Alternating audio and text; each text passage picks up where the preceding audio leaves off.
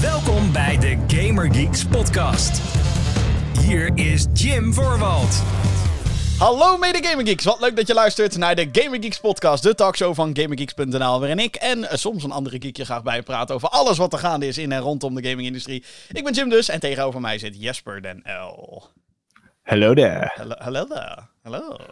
Is aflevering nummer 108 en nee, 89. Het is, de Nederlandse taal is soms zo verrukt. Eh, aflevering nummer 189 van deze podcast. Eh datum van opname is 15 april 2022. Het is inderdaad een goede vrijdag. Wat leuk dat je er weer, eh, bij bent eh, bij deze show die eh, gratis te beluisteren valt via jouw favoriete podcast app. Dat kan zijn een Google podcast, dat kan zijn, bijvoorbeeld zijn een Spotify. Als je dit luistert, misschien wel voor de eerste keer. Je denkt nou dit over een half uur of zo. Je denkt nou dit is hartstikke leuk. Abonneer je dan op deze show via die desbetreffende podcastdienst. En als het kan, laat dan ook even een recensie achter. Want daar help je mij en mijn collega heel erg mee, algoritmisch gezien. Dus vijf sterren, hartstikke goed. En als we dan toch bij de ehm, huishoudelijke mededelingen zijn en de spam omtrent eh, podcasting en algoritmes en dat soort dingen. Er is weer een award show aanstaande, de Online Radio Awards. Dat eh, heeft te maken met online audio content. Je verwacht het niet bij de Online Radio Awards. Maar je kan dus ook stemmen. Wauw. Wauw. Eh, je kan dus ook stemmen op verschillende podcasts. En jawel, de Gamer Geeks podcast staat in de longlist van de Online Radio Awards. Dus mocht je als je nu toch bijvoorbeeld achter je computer zit of zo. eh, je denkt, nou, ik vind die Gaming Geeks podcast echt leuk.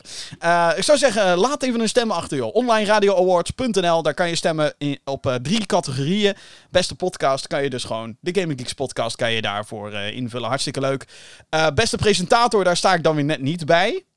Vind ik toch jammer. Online radio, Helaas. Ja, helaas. Toch, Online Radio Awards, kom op. Jullie kunnen beter, ik weet het. Maar eh, ik zou zeggen, eh drop daar een stem op eh, Tim Op het Broek. Mijn eh, persoonlijke radioheld van dit moment. En beste radiozender, ja, dat is Kink natuurlijk. Ik bedoel, hoeven we geen twijfel over te hebben, toch? Q-music. Q-music.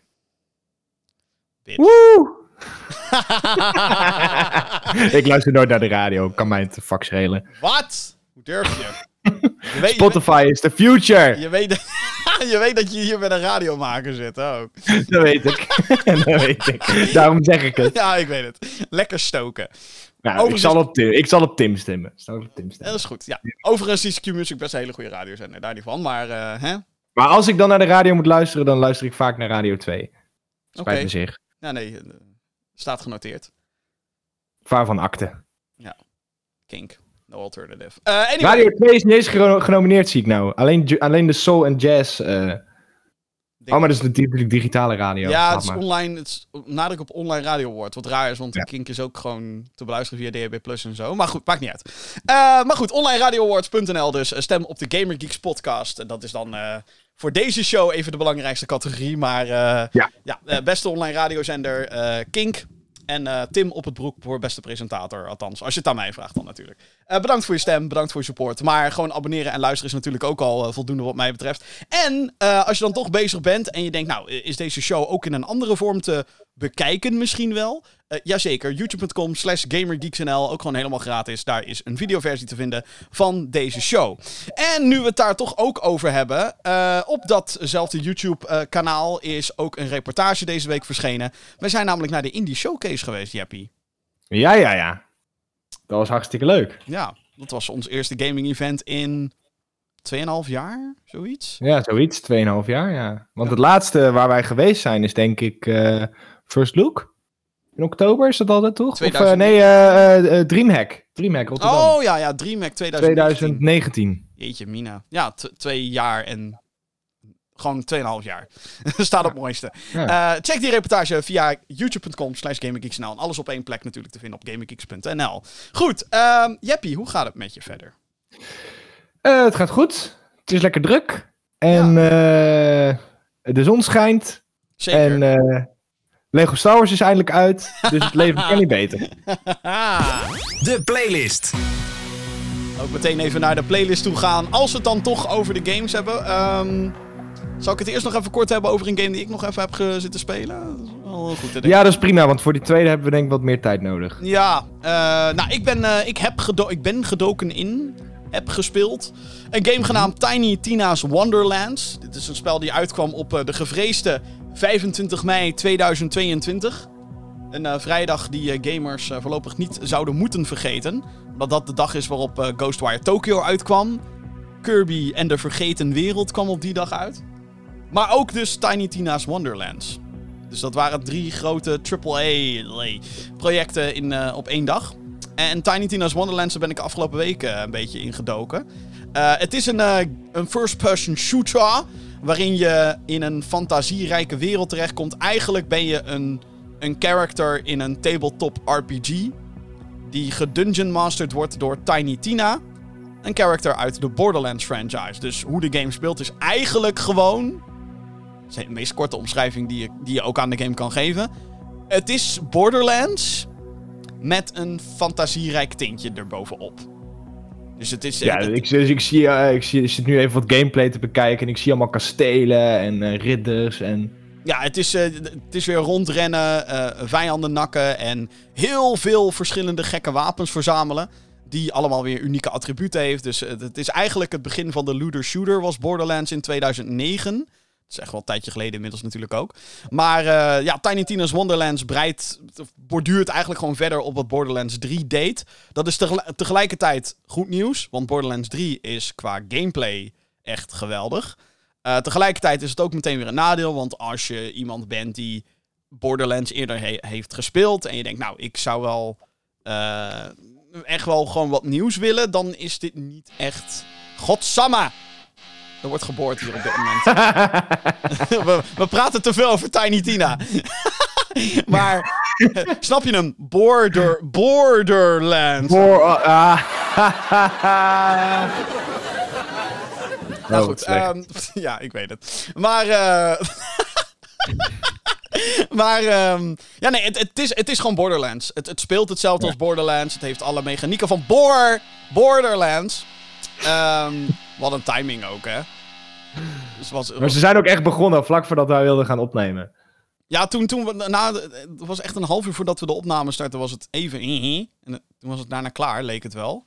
Ja. Laten we hopen dat het voor de rest eh, van deze show eh, anders eh, negeren we het gewoon. En als jouw verlegen Star Wars kan, gaat praten, kan ik toch mijn microfoon voor een half uur op mute zetten. Dus komt goed. Ja, precies. goed.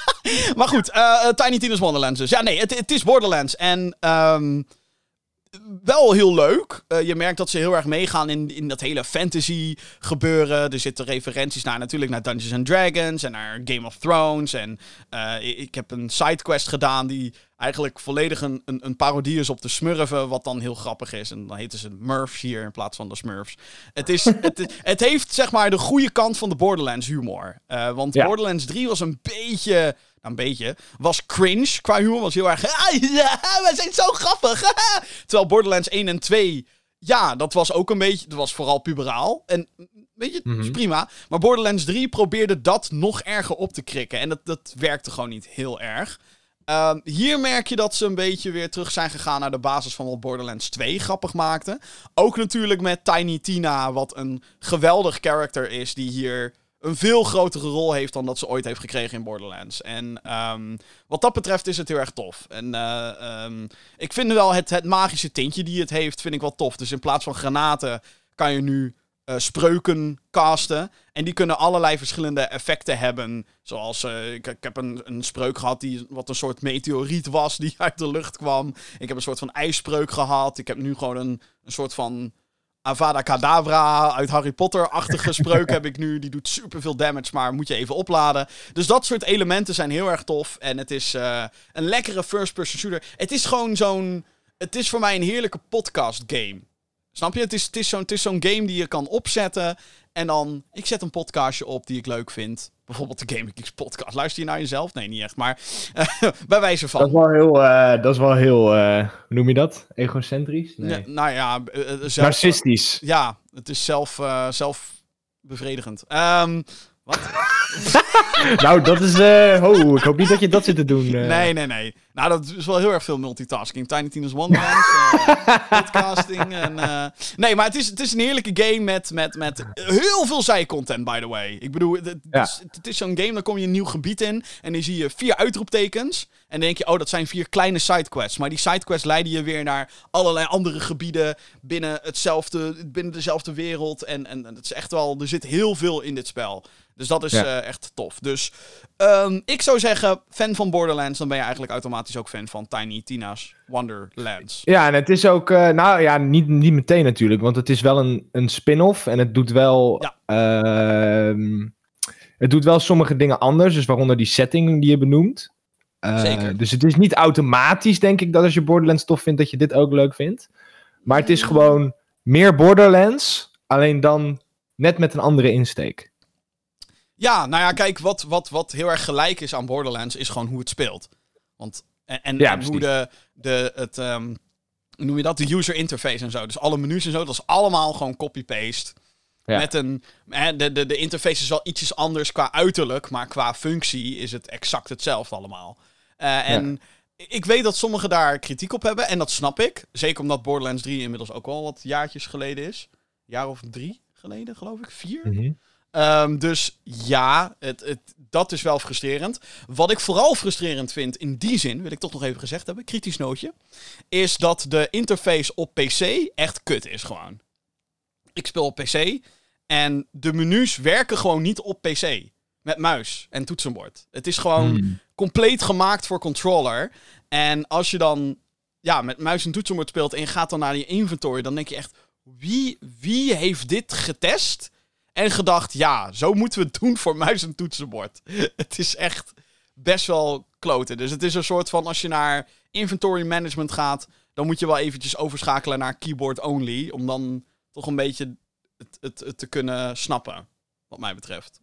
Ja. Maar ja, dat is, wel, e- dat is ook meteen mijn grootste kritiekpunt die ik heb. Want verder draait het eigenlijk allemaal heel goed en het ziet er Ik wil net zeggen, als, je, al- als het menu je grootste kritiekpunt is, dan, eh, dan valt het wel mee. Ja, met natuurlijk nogmaals de caveat. Je moet wel echt van Borderlands houden. En ik heb Borderlands heel veel gespeeld en ik vond het heel leuk. En ja, dat. Tot zover, ja. tot zover Tiny Tina's Wonderlands. Gaan we over naar een ander spelletje. Die, eh, Nou, zeg maar gerust spel. ja. Dit is Holy een eh, shit, andere grote release geweest. Eh, Lego Star Wars The Skywalker Saga. Jesper, dit was er eentje waar jij je heel erg op had verheugd. Dit was zo'n spel klopt. die weer 14 keer werd uitgesteld en waarvan jij dacht... 14, dat is nog weinig. No! maar nu is hij er eindelijk. En hebben, Ja, hebben wij een bad feeling about this? I have a very good feeling about heb a this. very good feeling about this. Ja, eh, Lego Star Wars The Skywalker Saga zou origineel eh, uitkomen in eh, december volgens mij, of tenminste het najaar van 2020. Dus hij is bijna anderhalf jaar uitgesteld. Wow, 2020 is voelt lang geleden, is het ook. Ja, ja, dat klopt ja. Ontwikkeld door TT Games. Ook de ontwikkelaar van alle, ja, volgens mij alle eerdere eh, Lego games. Dus ook Lego Star Wars, dus eh, de Complete Saga. eh, Lego Indiana Jones, Lego Harry Potter, Lego Marvel Superheroes. Lego Nou, Marvel's noem ze allemaal maar op. Avengers, Lego The Movie, The Game, Lego... Ja, Lego Lord of the Rings. Heel veel. En nu hebben ze dus eigenlijk hun ultieme Lego-project eh, uitgebracht. In de vorm van Lego Star Wars, de Skywalker Saga. Want ze hebben eh, eigenlijk alles wat ze in de eh, voorgaande, eh, niet alleen de Lego Star Wars games, maar ook in alle voorgaande Lego games hebben gedaan, eigenlijk overboord geflikkerd. Nou, niet, le- niet letterlijk overboord geflikkerd, maar ze zijn helemaal vanaf nul begonnen met deze game te ontwikkelen. Nou, wat is het? Het is eigenlijk een hele grote open world. ja, maar is het echt open world? het is nee, meer. dit is niet open world. Nee. Ligt er een beetje aan hoe je de game speelt. Maar in ieder geval, het is, eh, het is een Lego game die eh, zich afspeelt in het Star Wars universum. En je, je speelt door de negen mainline eh, Star Wars games, of Star Wars films heen. Dus je de begint... eerste keer dat dit gebeurt, hè? Dat je door alle negen films heen gaat. Ja, dat is, dat is inderdaad iets wat nog niet eerder gedaan is. Nou, alle, De- al- de- alle negen, de, de mainline Sky, ja, de Skywalker saga. ja, de Skywalker saga. Dus je begint, eh, je kan zeg maar van de Phantom Menace tot aan, eh, tot aan eh, de Rise of Shitwalker kan je spelen. oh, sorry, de Rise of Skywalker. Oh, sorry, Ja, sorry. ja, ja. Shitwalker is goed. Ja. Daar kan je doorheen spelen in Lego-vorm. En wat maakt dat nou zo leuk? Nou, niet zozeer de, de gameplay. De gameplay aan zich is best, best simplistisch. Ehm, het is ook een game die je echt met iedereen die je maar wil zou kunnen spelen. Dus je zou hem met je, met je opa kunnen spelen. Je zou hem met je broer kunnen spelen. Je, met je grote broer of met je kleine broertje. Maakt eigenlijk niet uit. Met je partner. Met. Nou, maakt eigenlijk niet uit.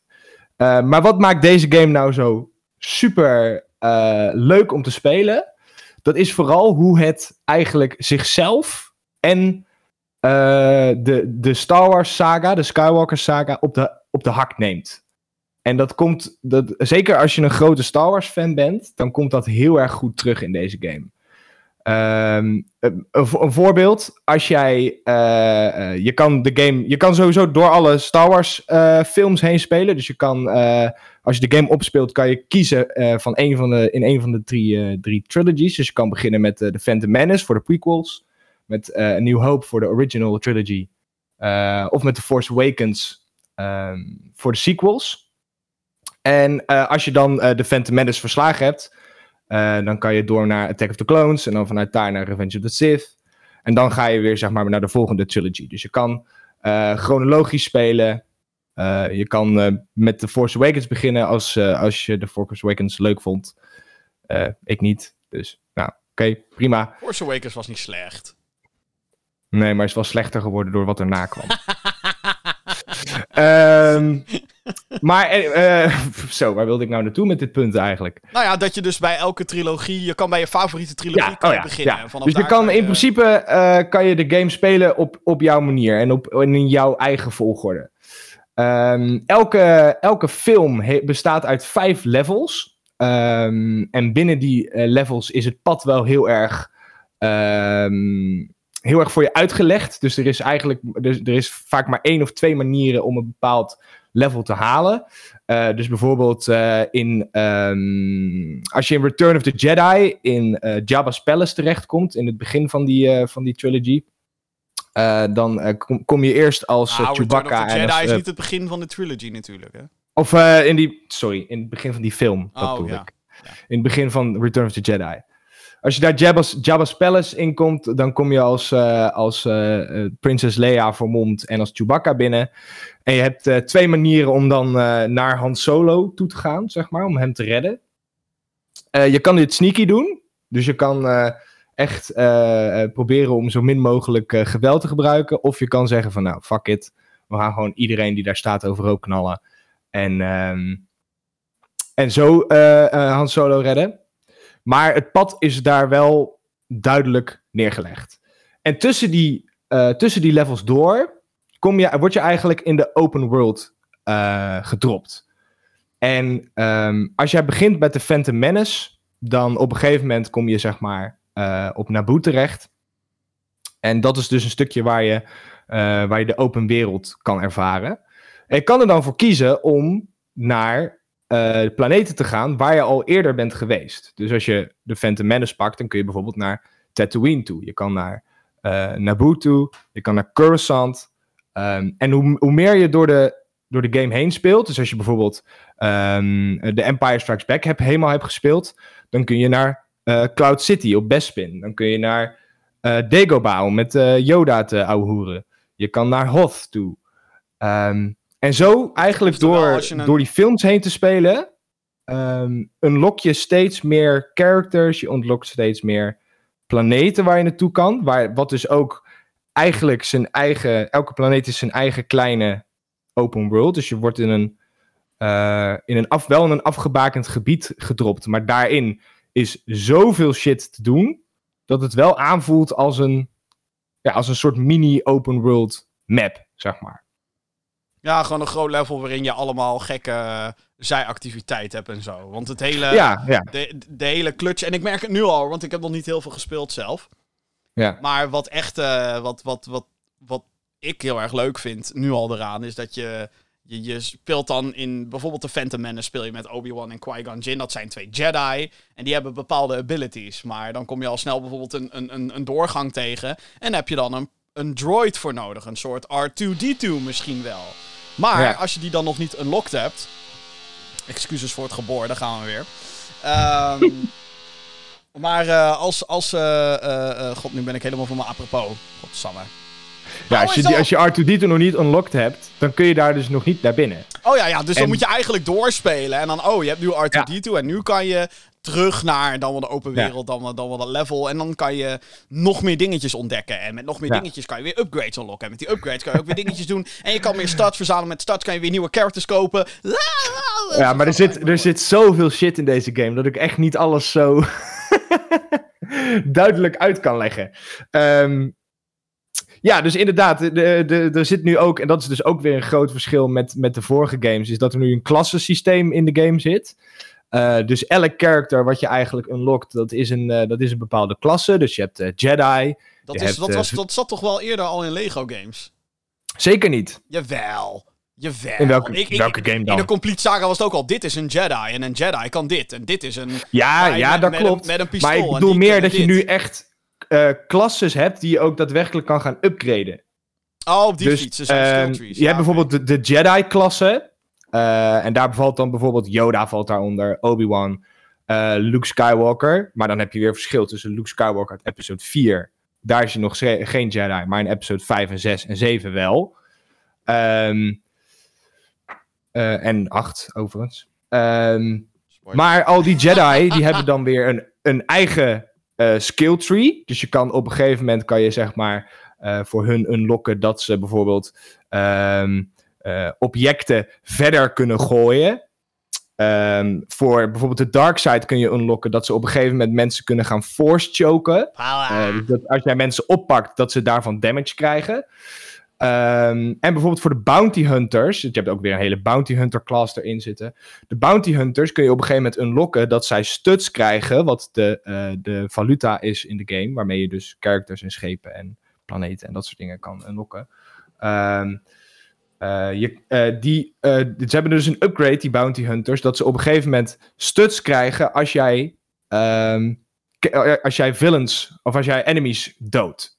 Wat je dan weer bij andere klasses niet krijgt. Ja. En die skill is dan ook weer te upgraden, dus dan krijg je zoveel Maar procent. even, je even, zoveel- even, even algemeen. Laten we het even algemeen houden. Want er worden Ja. nu heel veel details besproken zonder dat we denk ik... ja, zo- zonder dat we denk ik gaan tot de kern van de game. En dat is denk ik toch wel die, die Lego-charme die er hierin zit. Want al, Ja. niet alles overigens, niet alles wat je ziet is gemaakt van Lego-blokjes. Maar alles wat, waarmee, eh, waarmee interactie mogelijk is, dat is gemaakt van Lego. Inclusief natuurlijk de characters. En Ja. wat ik wel leuk vind, is dat ze... ehm, wat je inderdaad al zei, ze nemen een beetje de hak op de hele Star Wars saga. Dus de, de, ook de wat meer serieuzere momenten, daar worden, wordt een beetje slapstick comedy van gemaakt. Ehm, ik verheug me heel erg op de sequel trilogy spelen, episode 7, 8 en 9. Want ik kan me zo voorstellen dat daar de meeste soort van knipogen in zitten. Zo van, eigenlijk is het allemaal bullshit. Maar ja, weet je, we, we were just roll with it. Want hey, het is van Disney. Het zal wel. Maar, ehm, Nou ja, klopt. Eh, mag ik een voorbeeldje noemen? Licht kleine spoiler misschien, maar nee. Maar- nee. Oké. Maar, maar eh, oh, ik heb hem al gestreamd, dus je hebt hem in principe al gezien, Jim, jij. Uit The Last Jedi. Ik, weet, ik, weet, ik weet het oprecht niet. Maar dat, dat maakt ook niet Ja. uit. Het, het is zeg maar. ehm, ja, laat ik het zo zeggen. Het is de, de serieuze momenten zitten er natuurlijk nog wel in. Maar er wordt elke keer wel een soort van visueel grapje gemaakt. Ja. Als we dan Ja. een voorbeeld mogen noemen. Ik vond het heel grappig hoe aan het begin van episode 1.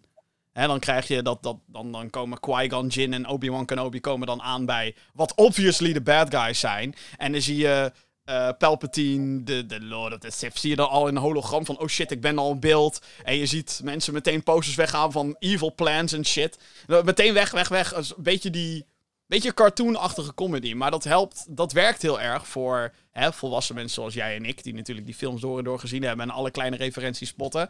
Maar natuurlijk ook voor de kids. How do you do, fellow kids? Ehm, die, die gewoon kunnen genieten van de cartoony Lego humor die erin zit. En ik vind het. Ehm, Wat ik er leuk aan vind is dat het, ja, de game kan heel lineair zijn in zijn story mode. Want dan krijg je sterker nog, je krijgt ook een sprankelend dingetje wat je exact de weg wijst waar je heen moet.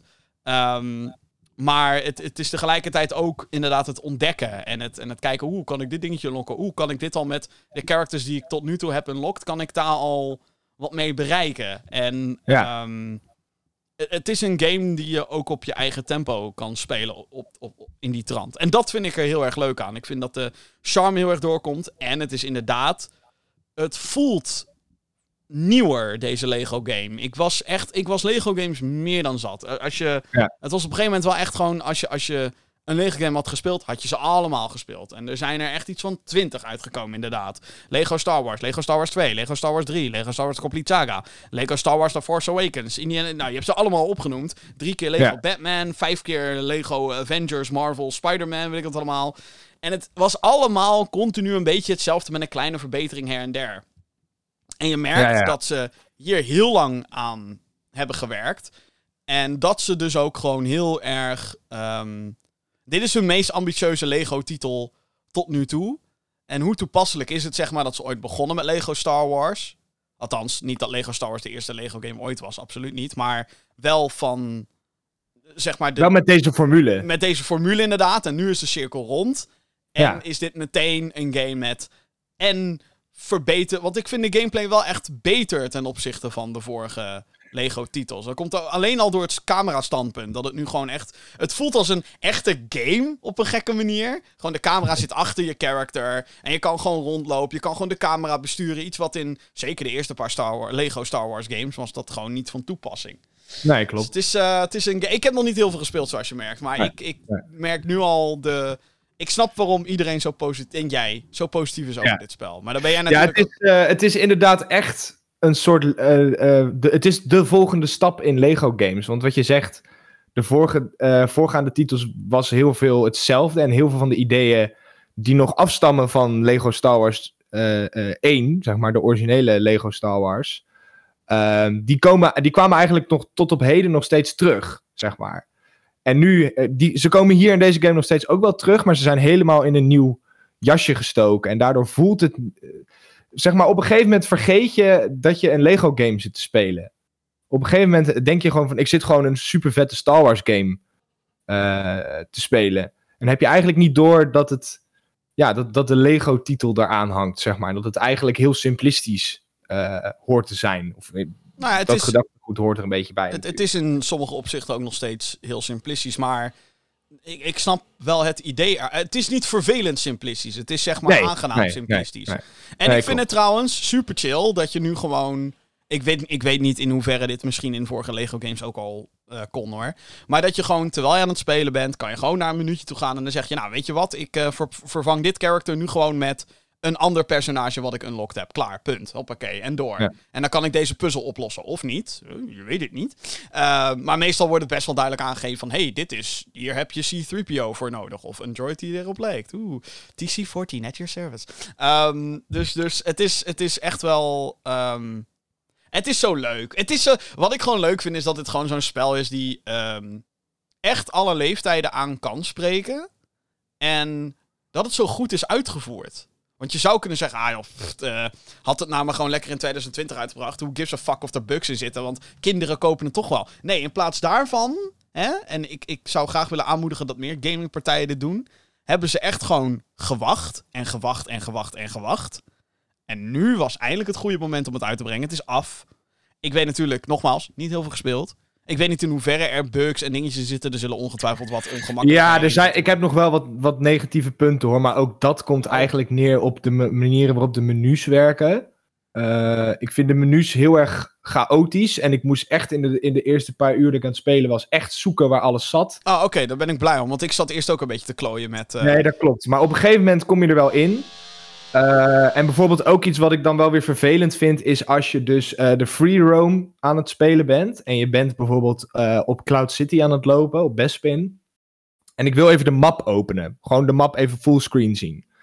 Dan gaat hij eerst naar de Galaxy Map. Dus dan zie je alle planeten staan. Dan moet je dus op Bespin klikken. Bespin, oké. Dan vervolgens moet je dus selecteren waar je bent. Ben je, als je bijvoorbeeld op Tatooine bent, ben je bijvoorbeeld eh, in Mos Eisley, ben je in Mos Espa of ben je in de Juntlet Wastes. Nou, moet je, als je dus in Mos Eisley bent, klik je op Mos Eisley en dan krijg je de map pas te zien. Eh, en als ik, hem, als ik hem daarna weer sluit en dan weer open, moet ik weer dat hele riedeltje door. Terwijl in de meeste Dus- games gaat het andersom. Dan zie je eerst het gebied waar je bent en dan moet je uitzoomen, uitzoomen. Precies. En eh, ik vind ook bijvoorbeeld op een gegeven moment wel irritant worden hoe de, hoe de characters, hoe je de characters selecteert. En zeker als je meer en meer characters krijgt, eh, je, je, je kan een soort van selectie maken van welke characters je meeneemt. En als je er dan eentje wil vervangen, dan moet je die eerst, moet je eerst als dat character gaan spelen. Dan kan je zeg maar je menu openen. Ik wil zeggen, nou, ik wil nu dit character. En eh, dan als ik dan een level inga, dus ik ga bijvoorbeeld dan eh eh, Duel of the Fates of Mustafar spelen, of eh Duel of the Fates op Naboo spelen, zeg maar, tegen Darth Maul vechten, dan wisselt hij heel die selectie weer. Dus dat is ook, zijn ook weer, het zijn kleine dingen ehm, die, het, die wel irritant zijn, maar waarvan ik wel zoiets heb van, oké, die kunnen in een patch wel gefixt worden en dan wo- wordt de ervaring gewoon nog net wat soepeler, zeg maar. Dan- Ja, want er zitten wel genoeg opties in qua eh, accessibility. Dus eh, dingen met, eh, met hoe, hoe groot de subtitles zijn en hoeveel hints je krijgt en zo. Daar Ja. zijn wel genoeg. Ja, absoluut. Maar er is, zeg maar, in die, in die holo-map die je hebt, daar zit zoveel shit in. Je moet daar echt, echt even de tijd voor nemen om dat allemaal te, te leren kennen en even doorheen te bladeren, zeg maar. Ehm, want ja, eh, het, het- ja het, is gewoon, eh, het is gewoon heel veel wat erin zit. ja, ja, En dat is op zich niet erg, maar je moet, je moet er wel even in komen. ja. Oké, ehm, ja, ik denk dat we. Ik bedoel, ik, ik merk nog een beetje dat je een beetje mild bent eigenlijk. Ik had echt verwacht, jij gaat hier zitten en je gaat. Jump, dit is de beste start. Dit is, dit eh, mijn jeugd die hier gewoon een nieuwe boost krijgt. Maar dat valt allemaal wel mee. Ik, ik had echt verwacht. Nee, maar dat is ook wel zo. Dat is ook wel zo. Eh, ik, ik vind het echt te gek. Ik heb het, eh, het is nu eh, anderhalve week uit. Ja, tien. Ik heb het bijna, als ik, als ik thuis ben en ik heb niks anders te doen, dan lig ik die game te spelen. Oh, oké. oké, ja. ik heb inmiddels, eh, nou denk ik, 15, 16 uur er al in zitten. Oh, of zo. Ja, nee, En ik ben nog niet eens op de helft.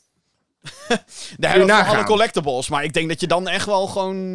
De, ja, de collectibles. Ik, ik zit pas op 1 vierde van alle collectibles die ik moet halen. Want je hebt Kyber Bricks die je kan unlocken. Je kan eh mini-kits unlocken. Je moet in elk level moet je challenges doen. Alle characters. Er zijn iets van 300 characters of zo. En Jezus. eh, eh, je kan 70 eh, voertuigen unlocken. Je kan 5 capital ships unlocken. Tuurlijk. Je, nou, het is echt zoveel shit die je kan unlocken. Power-ups, al, die, al die klasses upgraden, cheat codes. eh, Laat ik het zo Jesus zeggen. Christ. Als je, als je alles wil eh, unlocken in deze game, dan eh, wordt Lego Star Wars en Skywalker Saga wel een blok aan je been. ja, maar dat is dus het ding. Eh, het is wel heel veel, maar het zijn hele kleine dingen om zo'n bijvoorbeeld zo'n Kyberbrick te unlocken. Ja, ja, het is ja, zo van, oh, klim even op deze toren en je hebt er weer één. Ja, Dus precies. Het zijn hele kleine taakjes die het niet ehm, eh, vervelend maken om ze te doen, zeg maar. Soms heb je in games dat als je sidequest moet doen of je moet eh, een soort mini- mini-questje doen, dat het heel, i- soms wel heel vervelend kan zijn om een bepaalde quest te doen. Maar dat heb ik hier totaal niet eigenlijk. Komt er een eh, review van jou over deze game? Absoluut, maar ik moet eerst door die hele game heen. ik, denk, ik heb ook nog steeds het gevoel dat ik niet alles heb gezien. Oh, Namelijk. Ja, nee, ja, ja, ja. ja, nou, er zijn echt, eh, Continu blijven er nieuwe dingen komen. Nieuwe quests en nieuwe manieren waarop ze eh, Lego op de hak nemen. Wars. bijvoorbeeld, als ik nog even één leuk dingetje mag Ja, noemen als, mag als, afsluiter. dingetjes, ja joh.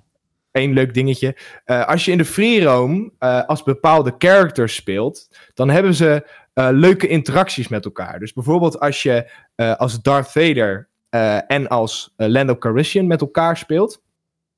Eh, als Darth Vader dan eh, bij Lando in de buurt komt, dan zegt hij... Captain Calrissian, I am altering the deal. I would like one of your capes. En dan zegt Lando... Hands off my capes, Vader.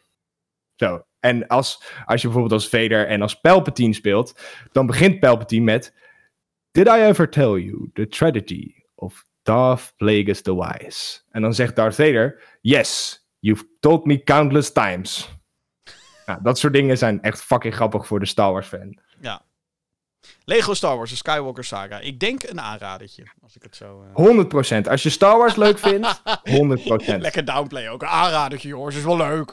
Nee, 100%. Als je Star Wars leuk vindt, dan ga je deze game echt gek vinden. Of als je, is- Lego, of als je gewoon Lego leuk vindt, dan denk ik dat je dit ook wel Ook, eh, Ook, ook. Maar het is wel... Het, hij staat voor mij wel in de top drie beste Lego games ooit gemaakt. Oh! Eh, Sta- eh, Star Wars games, sorry. Star Wars games. Star Lego games eh, op één.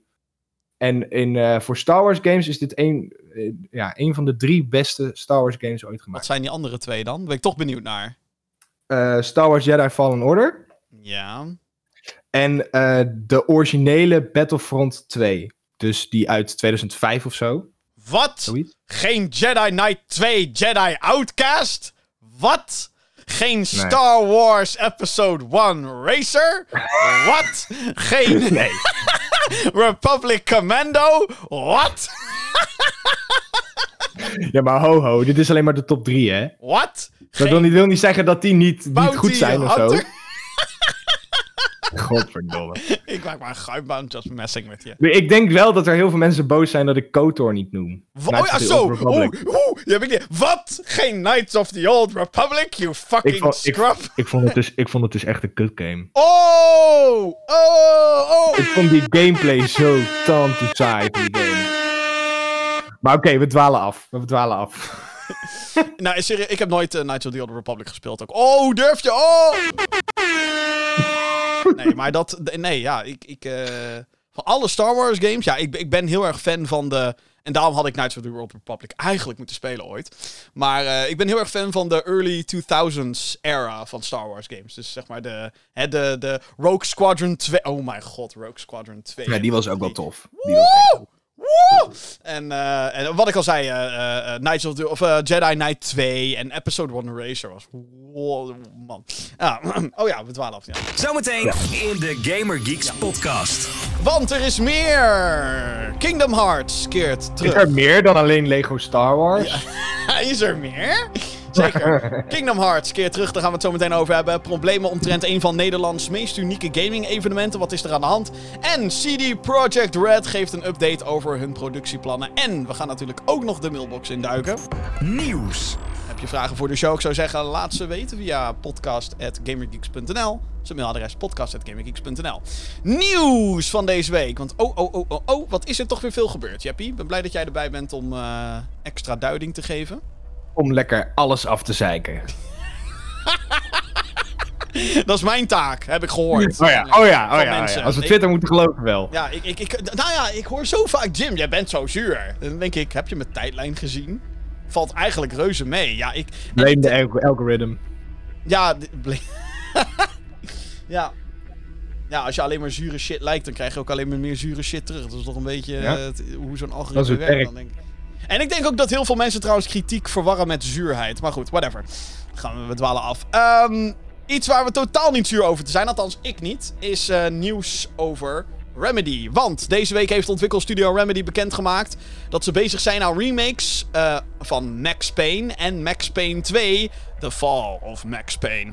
Het project is een samenwerking tussen Remedy Entertainment, ontwikkelstudio dus, en Rockstar Games. De laatste partij financiert het project en dient ook als uitgever.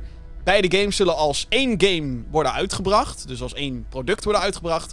Waarschijnlijk vergelijkbaar met Tony Hawk's Pro Skater 1 plus 2. Dat waren eigenlijk ook remakes van twee games, maar die werden dan in één gedouwd, zeg maar. Veel andere details over het project zijn niet bekend. Behalve dat het voor de huidige generatie consoles, de PlayStation 5 en Xbox Series S/X en PC wordt ontwikkeld. En dat het zich nu in zijn conceptfasen bevindt. Remedy Entertainment is een studio die al meer dan 20 jaar actief is in de industrie. Zo staan ze, naast de eerste twee Max Payne games, bekend om titels als Quantum Break, Alan Wake en Control. De studio heeft meerdere games in ontwikkeling, zoals een vervolg op Control, een co-op spin-off van Control met de codenaam Condor, Alan Wake 2 is ook in ontwikkeling en in samenwerking met de Chinese partij Tencent maken ze een game die tot dusver bekend staat als Vanguard. Niet te verwarren met de laatste Call of Duty natuurlijk. De eerste Max Payne game verscheen in 2001. Twee jaar later kwam het vervolg. In 2012 werd het derde deel uitgebracht, maar deze is gemaakt door Rockstar zelf en niet door Remedy. Oké, fucking hype. Max Payne 1 en 2 worden geremaked. En ik ben een blije man. Ik ben echt fucking blij. Ik heb ze nog nooit gespeeld. Nee, maar dan wordt dit de perfecte kans. Max Payne, oké, wat, wat Max Payne dus heel vet maakte, wat ik net al zei, Mhm. Max Payne 1 kwam in 2001 uit. En dat was eigenlijk de eerste game die bullet time goed deed. Dus zeg maar dat slow-mo van de Matrix. Ja. Maar dan echt op zo'n ontiegelijk goede manier. De hele gameplay draaide er eigenlijk om. Dus je had een dodge roll en als je die dan deed, dan vertraagde de tijd een beetje. En je kon op elk moment kon je de tijd gewoon in slow-mo zetten. En dan moest je... En je kon ook zo'n hele cinematic duik kon je doen. En dan kon je gasten neerschieten. Eh, en je moest echt oppassen, want ook op de lagere difficulty settings... Als je maar gewoon een beetje op een vijand afging en zij ze kregen gewoon de tijd om jou neer te schieten, was je best wel snel dood. En het is nog. Ik heb hem weer geïnstalleerd op mijn computer, natuurlijk. Eh, Uiteraard. En met een, met een beetje een, een, een, een fanpatch eroverheen eh, lukt het echt wel om het te draaien op eh, moderne systemen. En het is eigenlijk heel vet hoe, hoe, hoe tof die game nog steeds is, anno 2022. Ehm, ook in combinatie met het verhaal, een heel duister New Yorks detective verhaal over Max Payne dan natuurlijk. Die, Nou, la- laat ik het zo zeggen. Een van de eerste dingen die je tegenkomt in de game is een dode baby. Eh, de dode baby van Max Payne. Dus th- this Ah. game ain't fucking around, zeg maar. En Ja. het is... ehm, het ontpopt zich allemaal tot conspiracy shit en zo. En hij gaat gangsters neerknallen. Het is echt... Het is te gek. En deel 2 borduurt er zeg maar op verder. Het gaat ook weer verder met het verhaal en zo. En het is, ja, ik, ik kan hier zo van genieten. En dat ze dit gaan remaken en dat dat eh, in de handen gebeurt van de mensen die dus die eerste twee games hadden gemaakt. Yes, let's fucking go. ik ben hyped as fuck. Ik vind het Dat heerlijk. moet, dat moet bijna wel goed komen dan, toch, denk je? Nou, ehm, ja, dat zou je denken. Het is natuurlijk een beetje de vraag wat ze ermee gaan doen. Gaan ze echt gewoon de game een, een, een nieuw grafisch laagje geven en dat is het? Mhm. Eh, of gaan ze meer dingen vermoderniseren? Eh, gaan ze het verhaal veranderen? Bijvoorbeeld? Ja. Ja, ja, ja, ik zou zeggen, blijf gewoon eh, bij, bij het origineel. En ja, ja net, net, een beetje net als Tony Hawk Pro Skater 1 en 2, zoals je net al noem, noemde. Eh, want die, die, die gameplay en die controls die zijn wel volgens mij grotendeels hetzelfde gebleven, toch? Nou, wel vermoderniseerd her en der natuurlijk. Ja, uiteraard. Maar eh, de essentie is er, zit er nog steeds in. En alle oude maps zitten erin. En eh, alle oude character models volgens mij. Ehm, dus ja, ik denk dat dat gewoon een beetje de way to go is. Is het gewoon het origineel pakken en dat vermoderniseren. En niet allemaal proberen leuke dingen erin te doen. Zoals lootboxes en microtransactions. En Ja, zou ook, wel, zou ook wel heel vreemd zijn aangezien dit gewoon alleen een singleplayer campaign bevat. Beide games. Oh maar, ze- oh, maar dat dachten we bij Avengers ook. dat dachten we bij Avengers ook. Nou, Nou, dat was geen remake natuurlijk, oh, dus dat scheelt weer. nee, dat was geen remake, maar daar dachten we ook van. Oh, leuke singleplayer game. Nou. Ja, nou, helaas. Ja, nee, maar dit... eh, ehm, ja, nee, ik zou inderdaad daar ook voor kiezen. Vooral ook omdat ehm, toen Max Payne uitkwam... Mhm. eh, speelde het zich af in die tijd, dus 2001. En het is Ja. een hele interessante periode als we er nu naar terugkijken. Want ja, het internet was er, maar was niet zo breed als nu. Er waren nog geen smartphones bijvoorbeeld. Er waren wel mobieltjes, maar er waren ook nog de vaste telefoonlijnen werden gewoon ook nog heel veel gebruikt. Dus Ja. dat, is, dat, dat vind ik het toffe aan, aan het tijdperk waarin Max Payne zich afspeelt. En volgens mij speelt het zich nog af eind jaren 90, geloof ik. Ik weet niet echt exact wat, het, eh, wat de tijdlijn daarin is. Maar het is in ieder geval niet. Hè, er zijn geen smartphones en shit. En de wereld is gewoon heel erg veranderd in 20 jaar tijd. Ehm, en daarom vind ik het ook interessant hoe. Want als je, zeker als je kijkt naar de moderne techniek, dan is het van hoe kan deze guy nou nog steeds niet gepakt worden aan het eind van eh, Max Payne 1. Is nog steeds een Ja. beetje onrealistisch, want je, je schiet letterlijk honderden gangsters neer en zo. Dus whatever. Tuurlijk, een game is per definitie niet realistisch. Maar ehm, ja, ik, ik, ben, ik ben echt fan van deze games. Eh, de derde wat Ja. minder, maar dat is volgens mij algemeen wel een beetje. Komt natuurlijk ook omdat, wat ik al zei, Rockstar maakte dat en, en Remedy niet.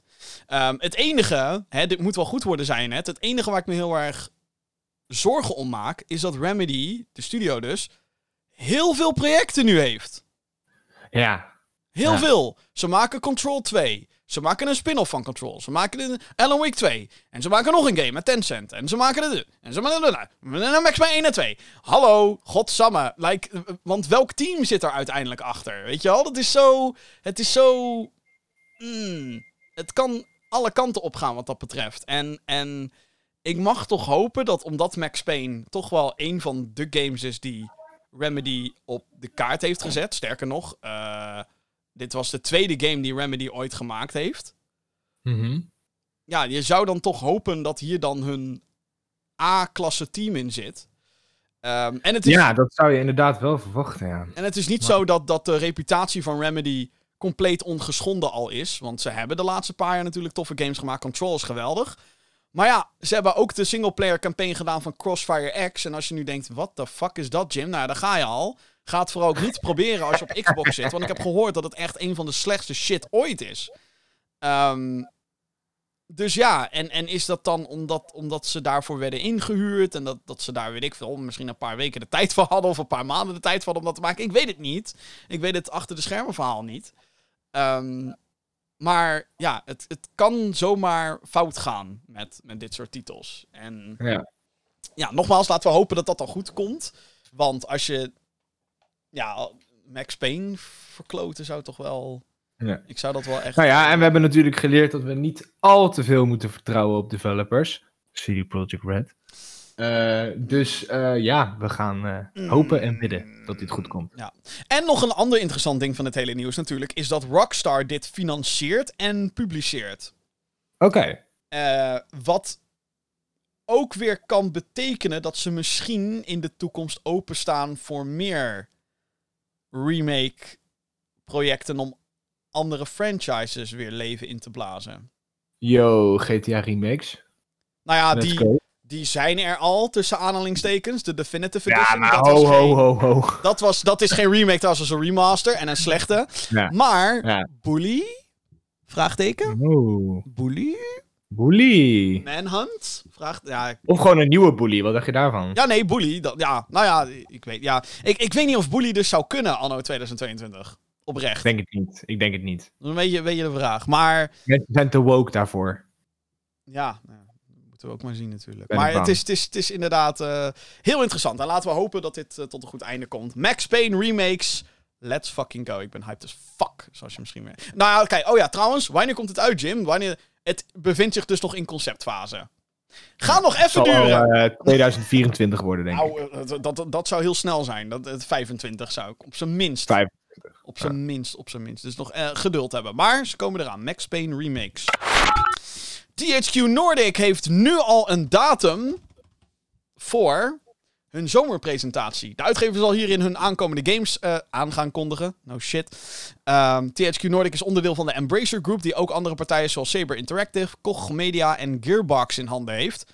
Titels vanuit die stallen hoeven we dus niet per se te verwachten, want het is een THQ Nordic presentatie. Wel heeft THQ Nordic al gezegd dat Jagged Alliance 3 en Outcast 2 A New Beginning te zien zullen zijn. Verder is het dus afwachten. Maar 12 augustus, zet dat in je agenda voor een presentatie vol met nieuwe games. Ja. hmm, wat zouden we... Kunnen we de geruchtenmolen al aanzetten, Jim? Wat, wat verwachten we dat er, eh, Ik, ehm, dat er gaat komen? ja, ik moet dan dus heel erg goed gaan kijken naar wat heeft THQ Nordic nou eigenlijk.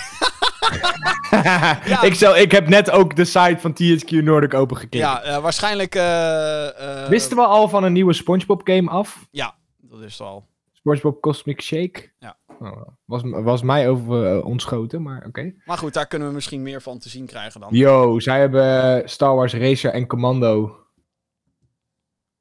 Ze hebben Star Wars Racer. Jim. Star Wars Racer remake. Nou, dat gaan ze niet doen, denk ik. Star Wars, Star Wars Jedi Knight. Ja, zij, zij, zij hebben die modernere... Volgens mij doen zij de distributie van de retail-versies van die ports. Oh, oh, dat zou kunnen. Maar hey, de, de Star Wars IP ligt open hè, nu. Iedereen mag in principe Star Wars games maken. Dus. Ja, als je... Zeg maar... Als je een deal weet te maken met Lucasfilm Games. Ja, klopt.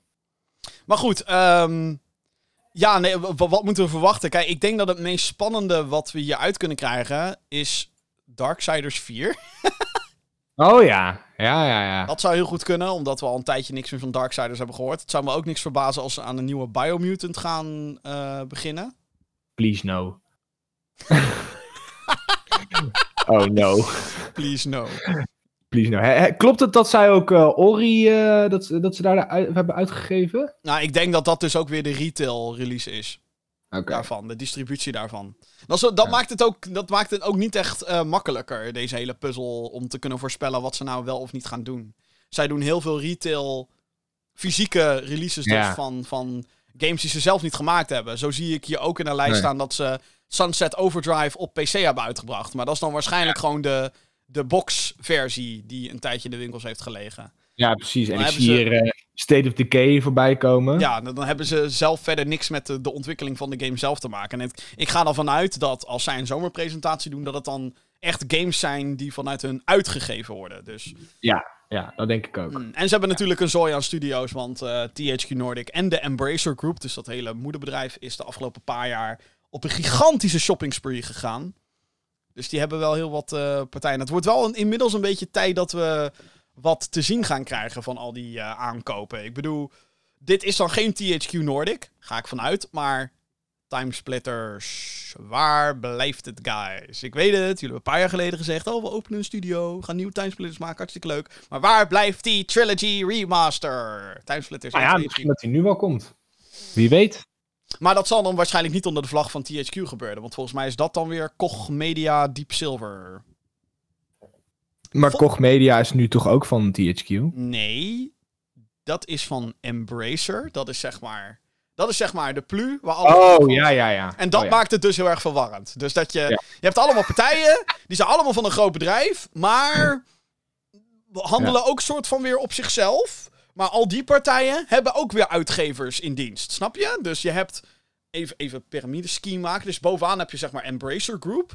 En daaronder Mhm. zit Gearbox en Deep Silver, Koch, eh, eh, THQ Nordic. En onder THQ Nordic zitten weer allemaal studio's en projecten en bla bla bla bla bla. Ja. Dus dat maakt deze presentatie. Ik vind het trouwens wel heel raar dat deze presentatie nu al is aangekondigd. We zitten in april. En je gaat nu Nou al een presentatie aankondigen hey. voor augustus. Eén moet de eerste zijn, toch? Ja, maar, Kan het maar wat in de agenda hebben staan, Jim. maar Kom voor op. augustus. Raar. Ja. Ik denk ook, ga dan gewoon in juni, net zoals de rest. E3-achtig.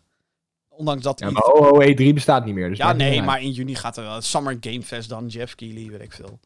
Wanneer iedereen weer losgaat met... eh, want ik denk Ja. wel dat dat nog steeds gaat gebeuren. Want dat gebeurde vorige jaren ook al. Wel of geen E3. We gaan gewoon los. Dat is... Ja, iedereen plant zijn- eh, zijn eh, presentaties toch wel in dezelfde maand. Nou ja, ik denk dat er nu wel... Er gaat wel m- nog ietsjes meer splitsing, denk ik, zitten. Maar ja, het is wel... Het is ook gewoon ideaal, want in juni is het een half jaar voor het najaar. Dus dan is het zo van, haha, de, de hype train kunnen we starten. Dus, eh, goed. Eh, 12 augustus dus, de THQ Nordic presentatie. Nee. Gaan we naar groot nieuws, althans. Als je uit die hoek komt en je bent fan van die games, dan is dit groot nieuws voor jou. Tijdens een videopresentatie om de 20ste verjaardag van de Kingdom Hearts franchise te vieren, werden twee nieuwe titels aangekondigd. De eerste was Missing Link, die vooral veel gevechten eh, bevat, die lijkt op de originele game. Het is een mobile game, dus ja, in hoeverre jou dat interesseert, geen idee. Ik eh, heb zelf niet heel veel interesse in mobile games. Maar het grote nieuws, het was ook niet het grote nieuws ervan. Het grote nieuws was natuurlijk de aankondiging van Kingdom Hearts 4.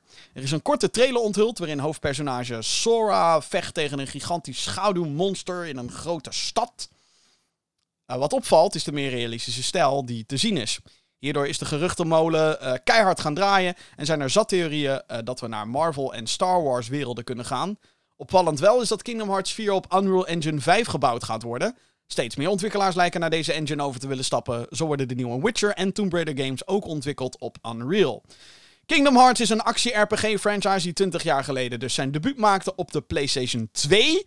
De basis van de game is een mengeling tussen Final Fantasy en Disney, waarin de speler naar allerlei werelden gaat, gebaseerd op verschillende franchises van Walt Disney. De game leidde tot een gigantische serie met tot nu toe 13 games. De laatst genummerde, Kingdom Hearts 3, verscheen in 2019. Wanneer Kingdom Hearts 4 uitkomt is niet bekend, maar we kunnen erop rekenen dat het nog wel een tijdje gaat duren, want dat is een beetje de traditie met dit soort games. Zeker als het gaat om Square Enix, die natuurlijk ook weer verantwoordelijk is voor het spel. Ja. Jeppie.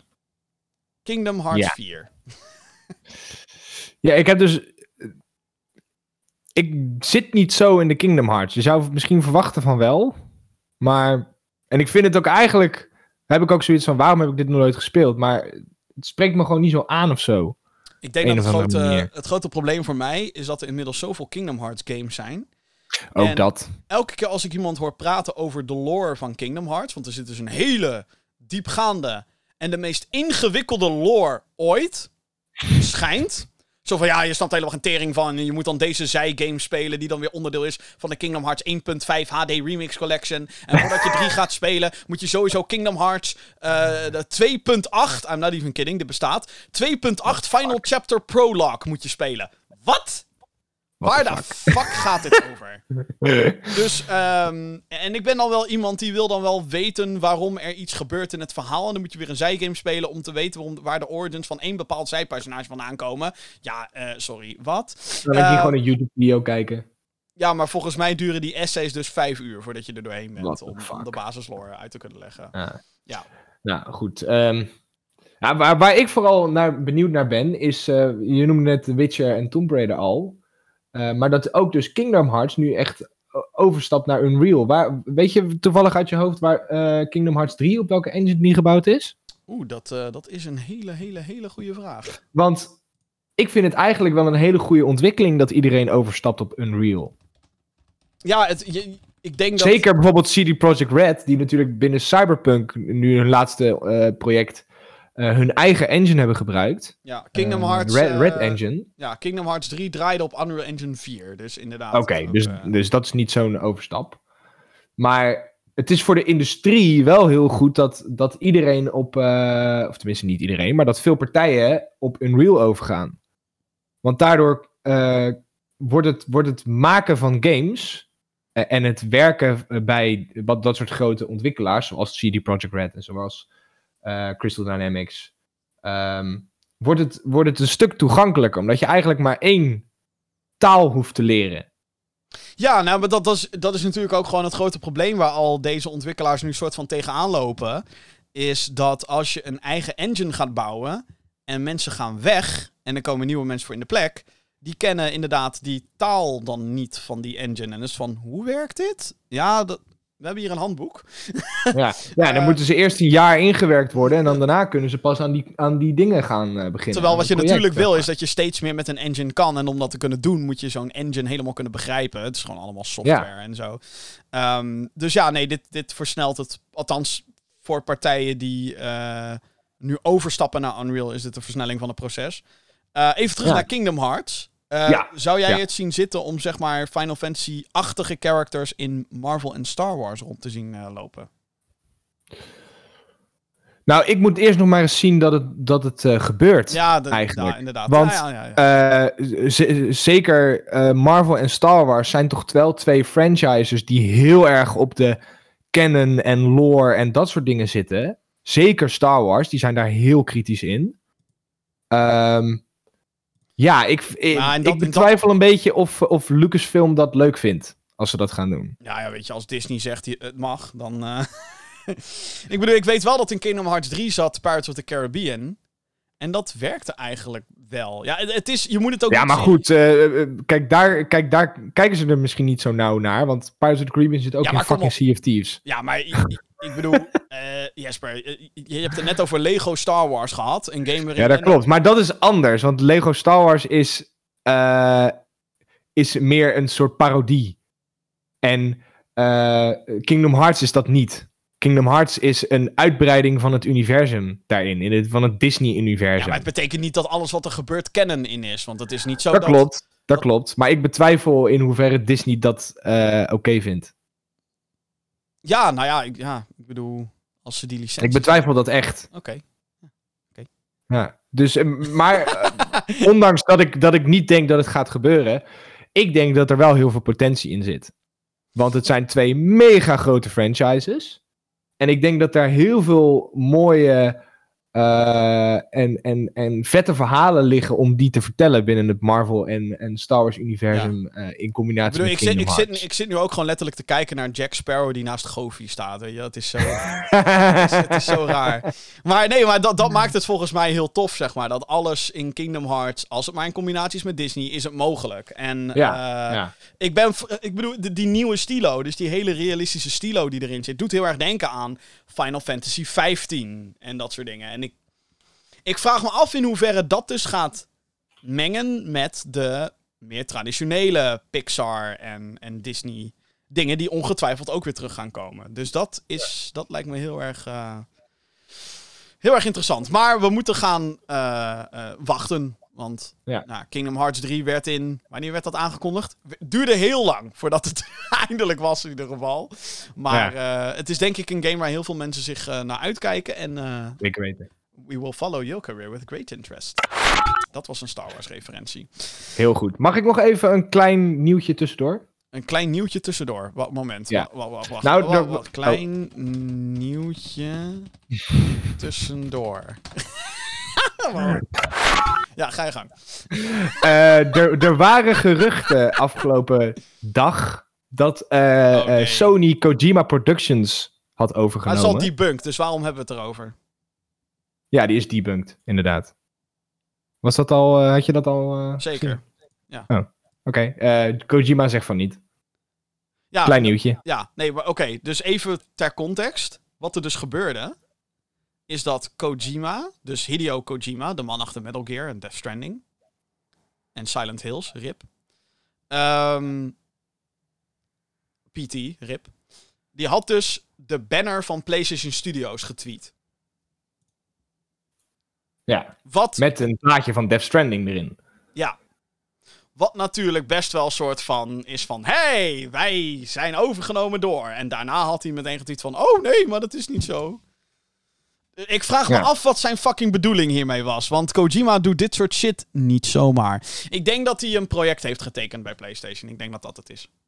Dat zou goed kunnen. En hij heeft schijnbaar ook volgens weet ik hoeveel geruchten... ook al projecten getekend bij... Ik, of een project getekend bij Xbox. Dus... Ja. Maar waarom hij dit zou doen, dit doet hij met een reden. En ik vraag me af wat de reden erachter is. En daar gaan we ongetwijfeld ooit een keer achter komen. Maar ehm, ja, ik vind het een Het beetje zou, ik denk dat het wel een goede move zou zijn hoor, voor eh, Kojima Productions. om overgenomen te worden door PlayStation. Ja. Ja, dat denk ik eigenlijk wel. Het, het, het past wel goed in elkaar of zo. Nou ja, ik denk dat wat Kojima vooral nu zelf wil. Hij heeft namelijk best wel negatieve ervaringen gehad met zijn vorige werkgever Konami. Mhm. Ehm, die natuurlijk in zijn optiek zijn creatieve kindje van hem heeft afgenomen. Als je Ja. vraagt, goh, waarom houden mensen baby's vast die gevangen zitten in dingen in Death Stranding? Het is een fucking meta-referentie naar Konami, die zijn baby Metal Gear Solid eh, vasthoudt. Ja. Sterker nog, in een van de. Ik heb niet heel veel Death Stranding gespeeld, maar in een van de eerste scènes van Death Stranding loopt het personage wat gebaseerd is op Guil- Guillermo del Toro. Die wijst dan naar die baby en zegt dan tegen het hoofdpersonage van... Oh ja, dit, ja, zie je het niet als baby, zie het gewoon als commercieel product. En dat is exact natuurlijk de manier hoe Konami kijkt naar Metal Gear, terwijl Kojima zelf naar Metal Gear kijkt als... Ja, maar dit is mijn kindje. Eh? Ja. Net dat commentaar? Eh? Dat is wat Kojima dus heel erg geniaal maakt in mijn optiek. Heel erg meta. Eh, heel dat PT trouwens schijnt ook echt dikke meta-commentaar te zijn op zijn aankomende ontslag op Konami toen de tijd. Laten we het daar maar niet over gaan hebben, want dat duurt deze podcast echt drie uur. Maar echt, het is geniaal. Maar ik denk, ehm, om mijn punt te maken. Ik denk dat hij dus niet overgenomen, voorlopig overgenomen wil worden. Tenzij het echt niet anders kan. Tenzij zijn studio helemaal naar de kloten gaat. Maar studio's Het loopt best goed toch, volgens mij, die studio? nou ja, ik denk dat uitgevers in de rij staan om alleen al zijn nieuwe project te financieren. Om dan Ja. zeg maar marketing, dips te krijgen of tijdelijke exclusiviteit. Iets wat nu natuurlijk ook met Death Stranding gebeurd is. Eh, PlayStation was meteen zo van: hier, hier, is een, hier is een vrachtwagen met geld. Ga je nieuwe game maken. We, maar het boeit ons geen fuck wat het is. Het boeit ons geen fuck waar het over gaat. Ga je gang. En dat werd Death Stranding. Een game die inderdaad, het is geen Metal Gear. Het is een soort van hele hypermoderne versie van Postbode Piet. Ehm postbode Pieter Piet. Piet Pieter Post, ja, wat de fuck. Postbode Piet. Ja. Postbode Piet. Eh, maar, maar ja, het is een hele uitgebreide versie daarvan. En, en fucking weird, raar verhaal. Weet ik wat dan, omdat Kojima gewoon de creatieve vrijheid krijgt, eh, kreeg. En ik denk dus ook dat, zeker omdat er al weet ik hoeveel geruchten zijn, dat Xbox inderdaad een project met Kojima doet, dat PlayStation ook zoiets heeft van, ja, maar wij willen ook met jou samenwerken. Het zou natuurlijk zomaar ook kunnen zijn dat PlayStation eindelijk een keertje vaart heeft gemaakt achter de Metal Gear Solid remake, maar daar... Hmm.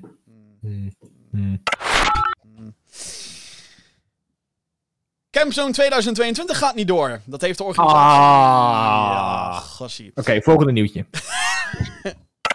Nee, nee, nee, nee. nee. Eh, dat heeft de organisatie deze week bekendgemaakt door middel van een blogpost en video. Daar waar de edities vorige jaren niet door konden gaan vanwege de coronapandemie, heeft het nu andere redenen. Campzone is een mengeling van een camping- en LAN-party. Groepen kunnen in grote tent op het terrein verblijven en aangesloten worden op een lokale netwerk natuurlijk, zoals een LAN-party werkt. Ehm, gedurende de hele week worden er dan ook toernooien en andere outdoor activiteiten eh, ge- ge- georganiseerd. Dat is hem. Dit jaar kan het evenement niet doorgaan door onder andere leveringsproblemen. Dit heeft dan weer te maken met de oorlog in Oekraïne, waardoor de tarieven van verhuurdersbedrijven om, eh, bedrijven omhoog zijn geschoten. Daarnaast zijn er ook problemen met het geplande veld waar het evenement zich zou plaatsvinden. Ondertussen maakt de organisatie zich klaar voor Campzone 2023. Dus dat schijnt wel gewoon te gaan gebeuren. Hopen we dan natuurlijk. Ja. Dus. Ik, heb Ik had je eerlijk gezegd nog nooit van gehoord. van Camzo niet. Het is echt. eh, Ja, ik ben. eh nou, dat is wel heel lang geleden inmiddels. Maar. eh, het is wel echt heel erg tof. Camzone. Het is een. Wel een beetje een, een intern kliekje. Dus als je erheen gaat, moet je er wel echt met een groep heen. En een uitgebreide tent. En allemaal je PC's meenemen en zo. Dus wat dat betreft is het echt Ja. het grootste. eh, ja. Nerdfest. Maar dan op de, op, in de positieve zin van het woord. Wat er is.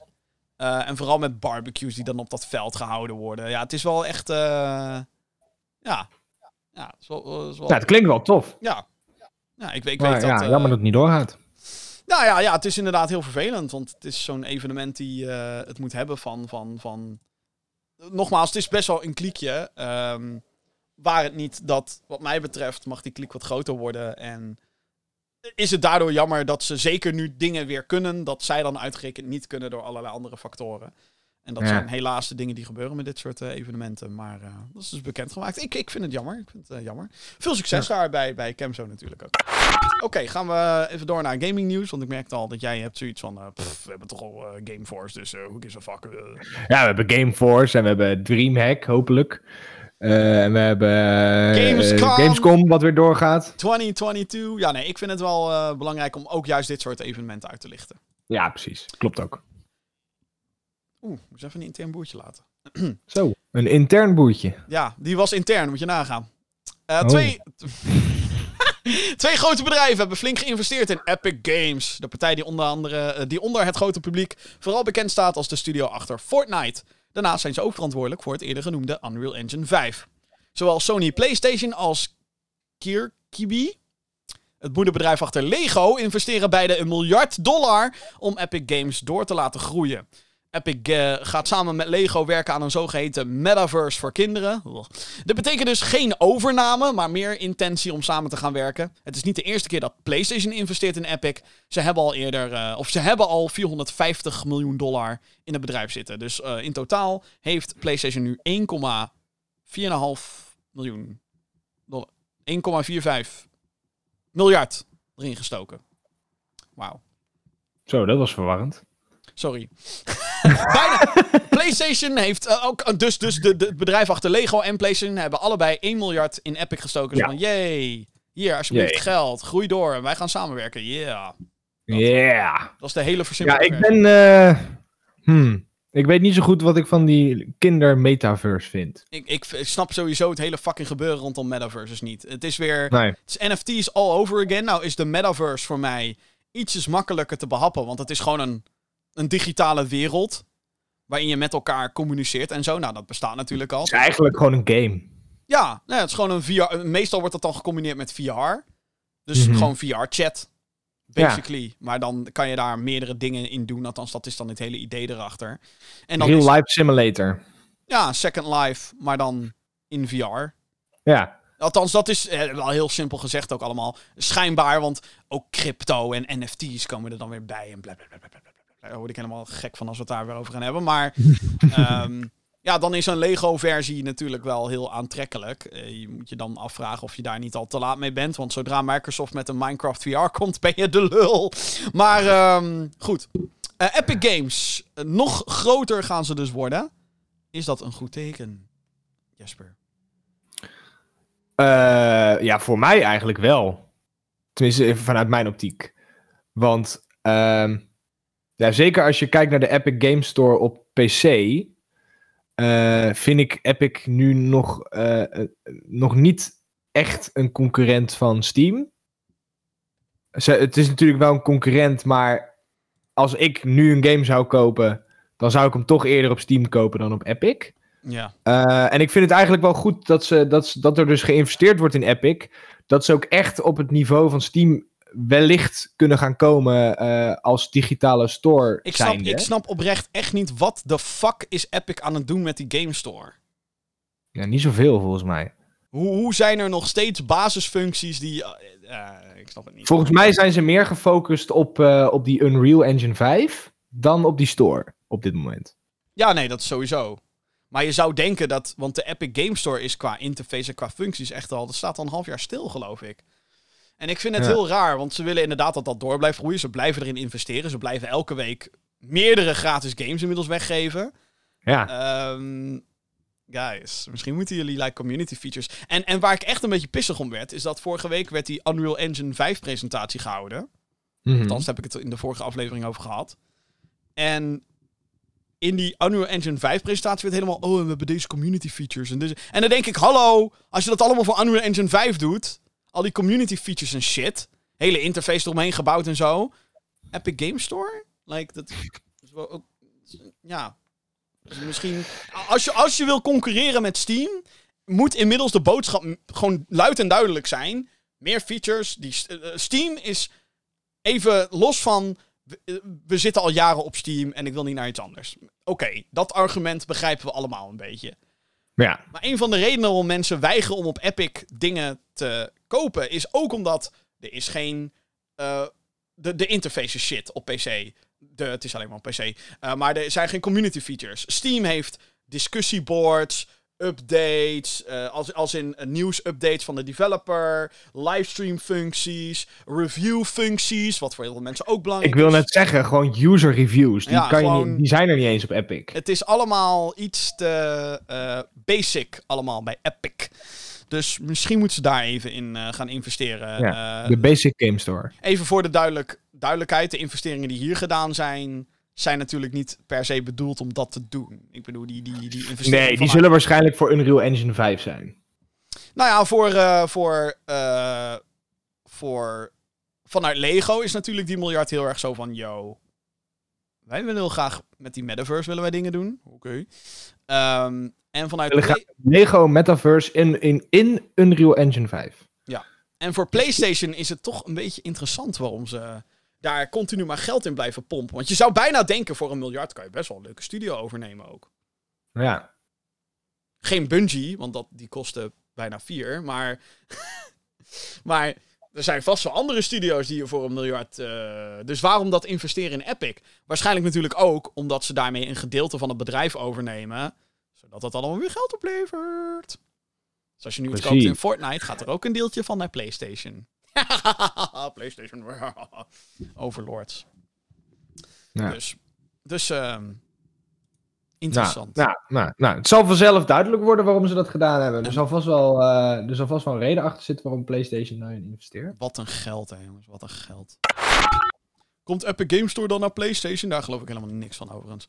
Ehm, Oké, deze week nemen we afscheid van een studio. Ah. Ah, violin. ja, Activision Studio Vicarious Visions is na 30 jaar activiteit nu onderdeel van Blizzard. Blizzard, sorry. Zowel Activision als Blizzard opereren onder dezelfde vlag. Activision-Blizzard. En zijn in het proces om overgenomen te worden door Xbox.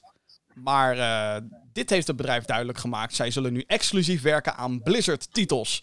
Daar zijn nu games als Overwatch 2 en Diablo 4 in ontwikkeling. Ook een nieuwe uitbreiding voor World of Warcraft wordt volgende week onthuld.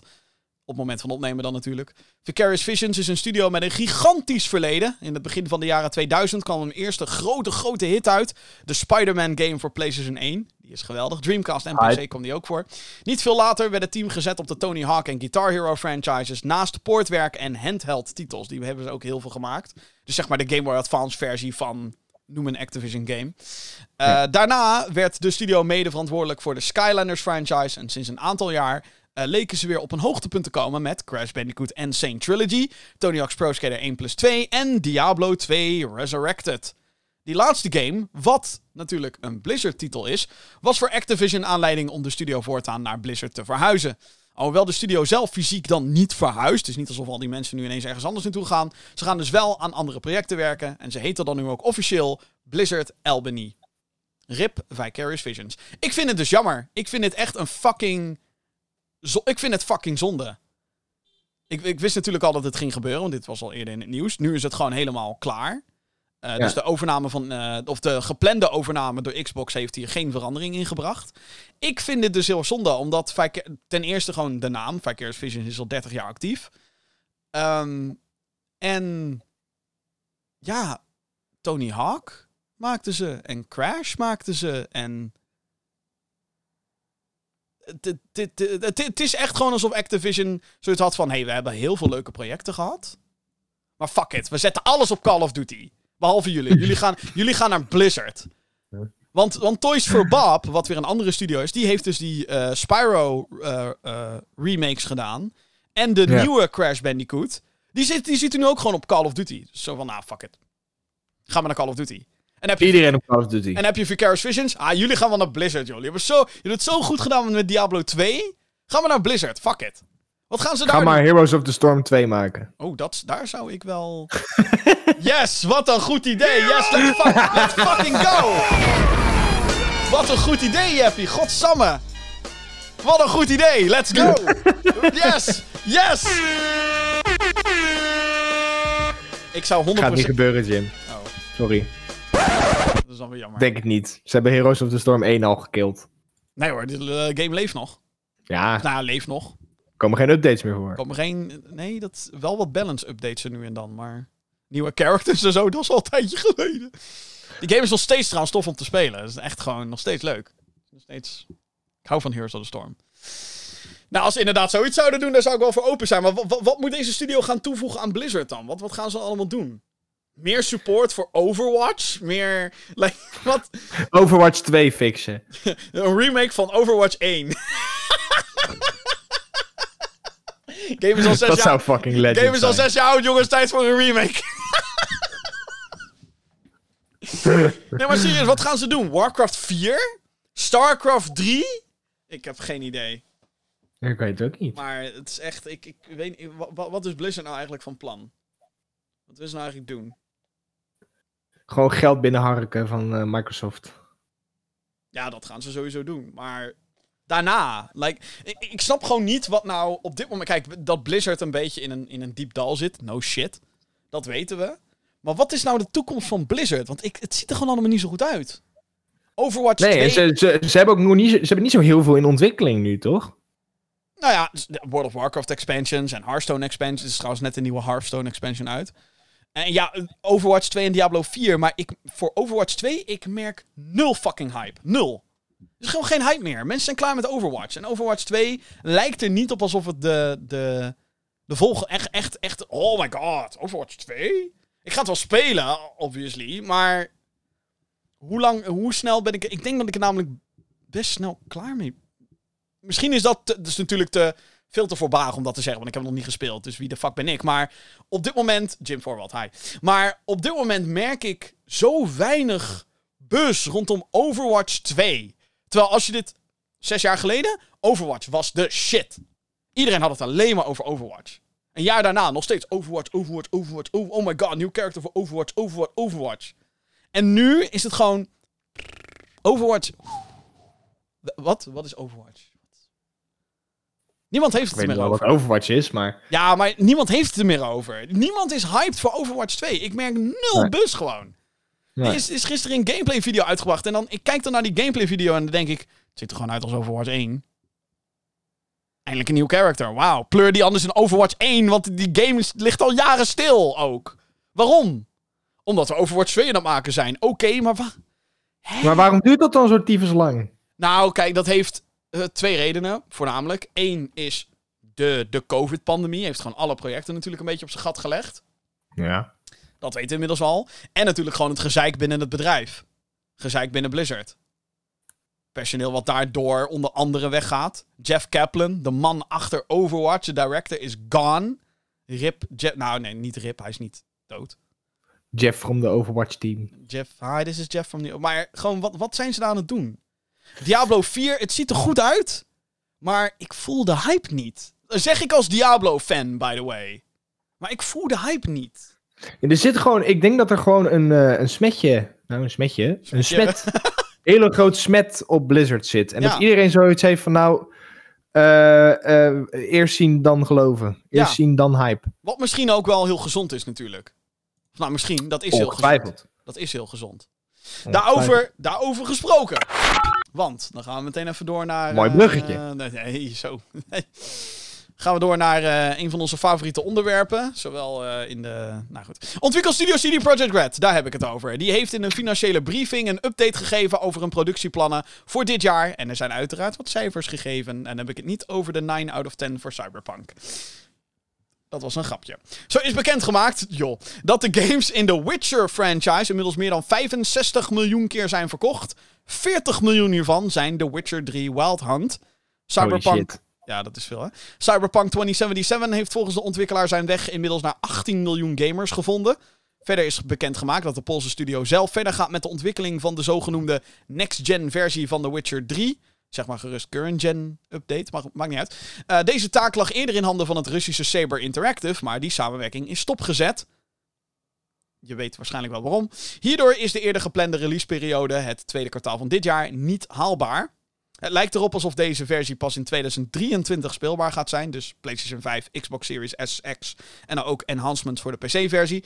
Dat geldt ook voor de eerste uitbreiding voor Cyberpunk 2077, die dus volgend jaar moet uitkomen. Verder wordt er in de samenvatting ook benoemd dat een spin-off op kaartspel Gwent dit jaar nog uitgebracht gaat worden. Nou ja, het is op zich wel goed dat ze hun handen uit Rusland trekken. Maar ja, wel jammer dat, ehm, ja, dat, dat het allemaal uitgesteld wordt. Ja, ik heb dus ergens ook gewoon het vermoeden dat. ehm, dat de, de vertraging rondom The Witcher 3 poort, of Mhm. upgrade, of hoever je dat wil noemen, dat dat meer. De, de oorlog zal ongetwijfeld een rol spelen. Maar ik heb ergens ook het idee dat gewoon de progressie niet lekker verloopt of zo. Of is dat misschien een theorie die. Die is nergens op gebaseerd. dat Nee. kan ik ook wel zeggen. Maar ergens.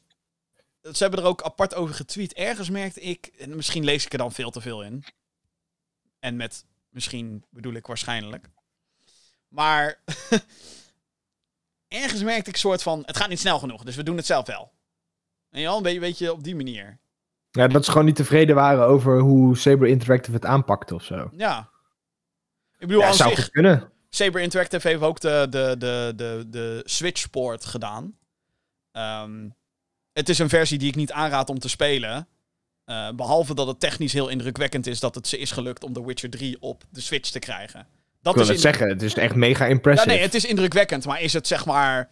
Zou ik aanraden om die versie van de game te spelen? Mm, Niet per se. Mm, nee. Nee. Tenzij je alleen een Switch hebt. Ja, En niks anders. of maar- ja. Maar ook dan zou ik zeggen. Wacht tot de Switch Pro. Of de nieuwe Switch, de Switch 2, de Super Switch, Switch 64, weet ik veel. Maar ehm, ja, dit is toch wel. eh, hmm, Ik, ik, ik, ik, ik weet het niet. Er- ergens heb ik zoiets van. Hadden we inmiddels inderdaad ook niet wat moeten hebben gezien van die next-gen versie? Oh, wel met Cyberpunk hebben ze het eigenlijk ook alleen maar laten zien totdat hij uit was. Dus misschien ben ik daar ook weer te veel aan het gissen naar meer drama dan dat er eigenlijk is. Laten we gewoon van, ervan uitgaan dat het conflict met eh, Oekraïne. Of het conflict, de oorlog. Dat het eh, daarmee te maken heeft. Maar goed, laten we dan even op iets eh, anders in gaan zoomen. Cyberpunk 2077 is in totaal 18 miljoen keer verkocht. Dat is tering weinig. Nou ja, aan zich is het niet tering weinig. Nee, maar eh, hoe vaak was die game gepreorderd? 14 miljoen Volgens keer? mij in december kwamen ze uit inderdaad op 13 à 14 miljoen ge- ver- verkochte units. Dus nu zijn we anderhalf jaar verder. Zeg ik dat goed? Ja. zoiets. anderhalf jaar zijn we nu verder sinds de release van Cyberpunk. En in die anderhalf jaar is de game dus maar 5 miljoen keer extra verkocht. Dat is, Ja, dat is dus tyfus weinig. dat is dus echt weinig. Zie je nou wel, CD Projekt Red? Dit is wat gebeurt als je een fucking kut game released. Nou Onafgemaakt. ja, het is wel een goed signaal op zich. Want vanuit, als je kijkt naar dat. The Witcher 3 Wild Hunt 40 miljoen keer is verkocht. Nou, dat gaat Cyberpunk denk ik niet halen. In totaal hè, is dat wel trouwens. Ja, in totaal, dat klopt. En ja. The Witcher bestaat inmiddels al wat langer natuurlijk. Die game is al zeven jaar uit inmiddels. Mhm, mhm. Is 6,5, whatever. Ja, maar die is nog steeds populair. Ja. Er zijn nog steeds mensen die nu voor het eerst The Witcher gaan spelen. Komt En natuurlijk zeker ook. ook, eh, door de Netflix-serie. Exact, ja. Eh, ja, eh, ja. Maar Cyberpunk was de game van CG Projekt Red. Want Dat moest The Witcher is dat natuurlijk, moest. Ja. is natuurlijk gebaseerd op andermans werk. Cyberpunk Eh, ook. Oh ja, Cyberpunk ook natuurlijk. Ja, klopt. Dus ja, wat Laat maar. Invalide argument. Nee, maar het is... Nee, maar dat was echt hun volgende titel, ja, weet nee, je dit wel. moest een nieuwe franchise worden. Ja, ja, ja. Ik denk, dat er, ik denk dat er nog nooit een game zo is opgehyped. Ehm, nou, er zijn wel andere grote hype eh, met teleurgestelde resultaten natuurlijk geweest. Noem eens een voorbeeld dan. Ja, Cyberpunk is dan wel het grootste Ja, voorbeeld. zeg maar het grootste voorbeeld, denk ik. ik denk, nou ja, ik denk ook dat, dat een Battlefield, en die heeft een minder lange, lang hype traject gehad dan Cyberpunk. Die heeft natuurlijk ook wel, ja, is ook wel Ja. keihard gefaald. Kunnen we wel stellen. Maar het is inderdaad, ik, ik vind het een goed eh, uitzicht dat gamers nu al ook zoiets hebben van, ja, eh, sorry, maar de verbeteringen zijn niet goed genoeg. Zoek maar uit met Nee. je Cyberpunk. Voorlopig. Ja, ik, eh, ik, eh, ik vind dat een goed teken. Ehm, verder, wat nog interessant is, is een, een spin-off van de Gwent game. We wisten eigenlijk al dat die ging komen. Ja, ik wil Ehm, het zeggen. Dat was, al, dat was inderdaad al bekend, ja. Maar die gaat dus ook dit jaar gaan ze die dus nog releasen. Dat is nog steeds de planning. Dus dat vind ik wel snel al aan zich. Ja. En eh, een Cyberpunk expansion voor volgend jaar. Wat zou jij nou in de game willen zien? Eh, Dat ze. ja. Eigenlijk eh, boeit het me niet.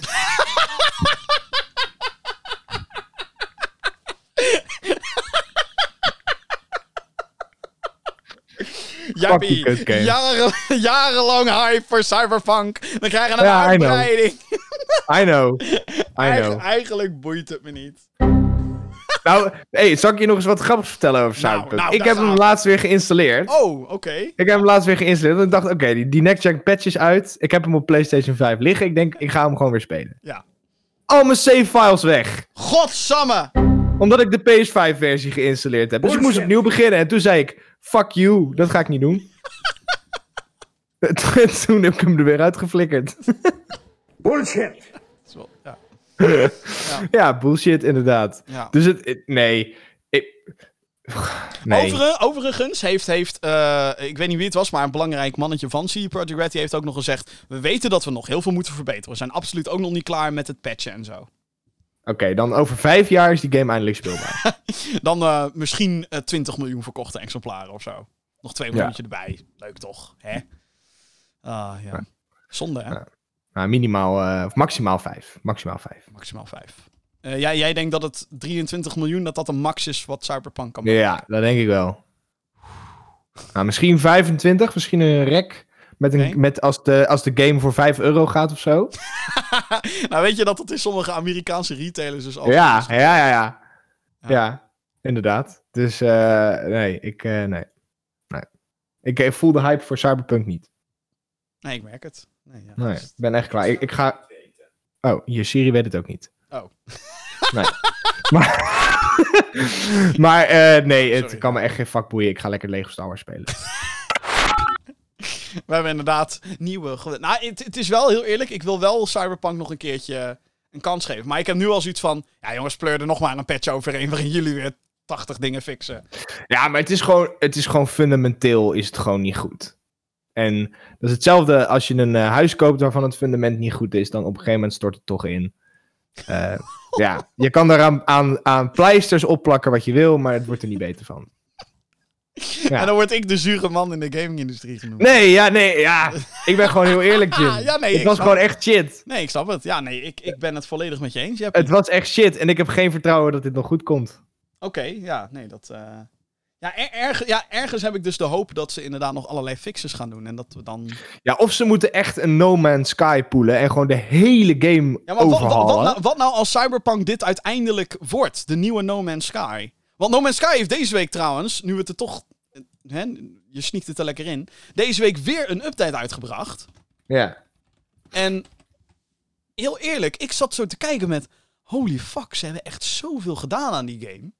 Ja. Echt zoveel. Ja, van- kijk, eh, En, en, als en dat da- zo da- is... daarmee trouwens wil ik niet vergeven de shit die ze hadden gereleased. No Man's Sky is trouwens het perfecte voorbeeld van een overhyped game die uitkwam en absoluut fucking een drama was. No Man's Sky is het voorbeeld.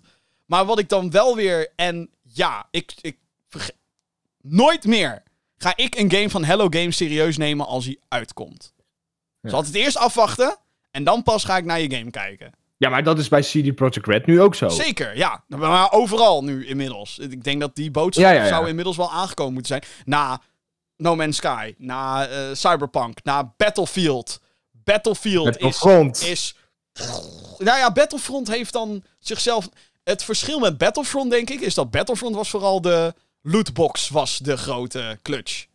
Mhm. En, maar, voor de Maar rest, daardoor vonden ook mensen, heel veel mensen die game shit. ja, maar voor de rest was die game wel prima, toch? Ik bedoel, ik weet dat ik vaak aan het klagen was, want ik kon niet winnen. Jim kan weer niet winnen. Maar Ja, ik heb die game best veel gespeeld, maar eh, toen is- ze zeg was- maar de lootbox is- shit eruit hadden gepatcht en echt een goed eh, upgrade system erin hadden gedaan, toen werd het pas leuk. ja. Maar het is, het is geen drama als een Battlefield met... Oh, ik schiet Nee, die nee, raakt nee, hem nee. niet. Of een Nee, Cyberpunk. de gameplay was heel goed. Ja. De gameplay eh, was, daar lag het niet aan. Maar goed, whatever. Het, het komt erop neer. Ook inderdaad hype en, en controverse en, en bla bla bla bla. Niet zo groot Ja. succes als dat het had moeten zijn. Ehm, ergens heb ik dus soort van de hoop dat Cyberpunk de nieuwe No Man's Sky wordt.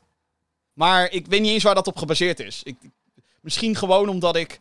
Ik zie wel echt de potentie... De, ik, zag altijd de potentie in Cyberpunk. We hebben als fanboy staan schreeuwen op Gamescom ook. Ja. Ah, dit wordt hem helemaal. ah. En nou ja, kijk waar we nu zitten. Zuur. Ja. We, zijn zuur of. Cyberpunk. Maar er- ergens, het is wel grappig, want ergens heb ik dus meer vertrouwen in Cyberpunk. Maar het probleem daarmee is, is dat ik daardoor nog langer blijf wachten met mijn tijd erin steken. Want als ik nu weer tijd ga steken in Cyberpunk, en er is zoveel wat uitkomt natuurlijk. Zo, ik Mhm. doe mijn backlog. De backlog wordt alleen maar groter en groter. Die ga ik nooit meer... Daar moet ik me op een gegeven moment maar gewoon bij neerleggen. Je kan hem straks op een grafsteen zetten. Nou, dan moet je een hele grote grafsteen gaan kopen. Maar dit is zijn backlog. Veel succes. We stapelen gewoon al die hoesjes stapelen gewoon achter jouw Ik, grafsteen. ik zodat denk dat je gewoon mijn... Je kan drie grafkisten van mijn backlog maken. ik. gewoon alle plastic hoesjes omsmelten tot... tot eh, ik krijg een blauwe grafkist, merk ik. Ja, ja met, eh, met eh, PlayStation Studios zo onderin. komt Shuei Yoshida komt dan gebed. God. Maar, ehm, nou ja, nee, gra- grappig. Ik vind, ik vind het wel leuk eigenlijk, een beetje, beetje discussiëren over Cyberpunk. ja, Ehm, maar ik, goed. eh, nogmaals, eerst zien dan geloven.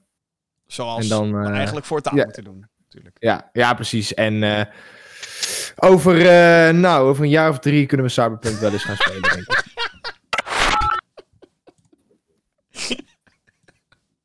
Lekker man. Afgelopen week zijn er weer wat release data bekendgemaakt, dan wel verschoven. Dus pak je agenda er maar bij, want we gaan er eventjes doorheen. Als laatste nieuwtje van de week. Eh, de kleurrijke management sim, sim game Two Point Campus. Die zou eerst 17 mei verschijnen. Maar komt nu op 9 augustus uit voor PC, PlayStation, Xbox en Nintendo Switch. Ehm, zeg maar het spirituele vervolg op Two Point Hospital. Maar dit keer Mhm. beheer je dus een studenten slash school, campus. Het ziet er echt fantastisch uit. Ja, een universiteit volgens mij. Ja, Toch? ja een campus, ja. Ja. Universiteit, Ja. school, ja. School, dingen, dit, ja. Ja, dat.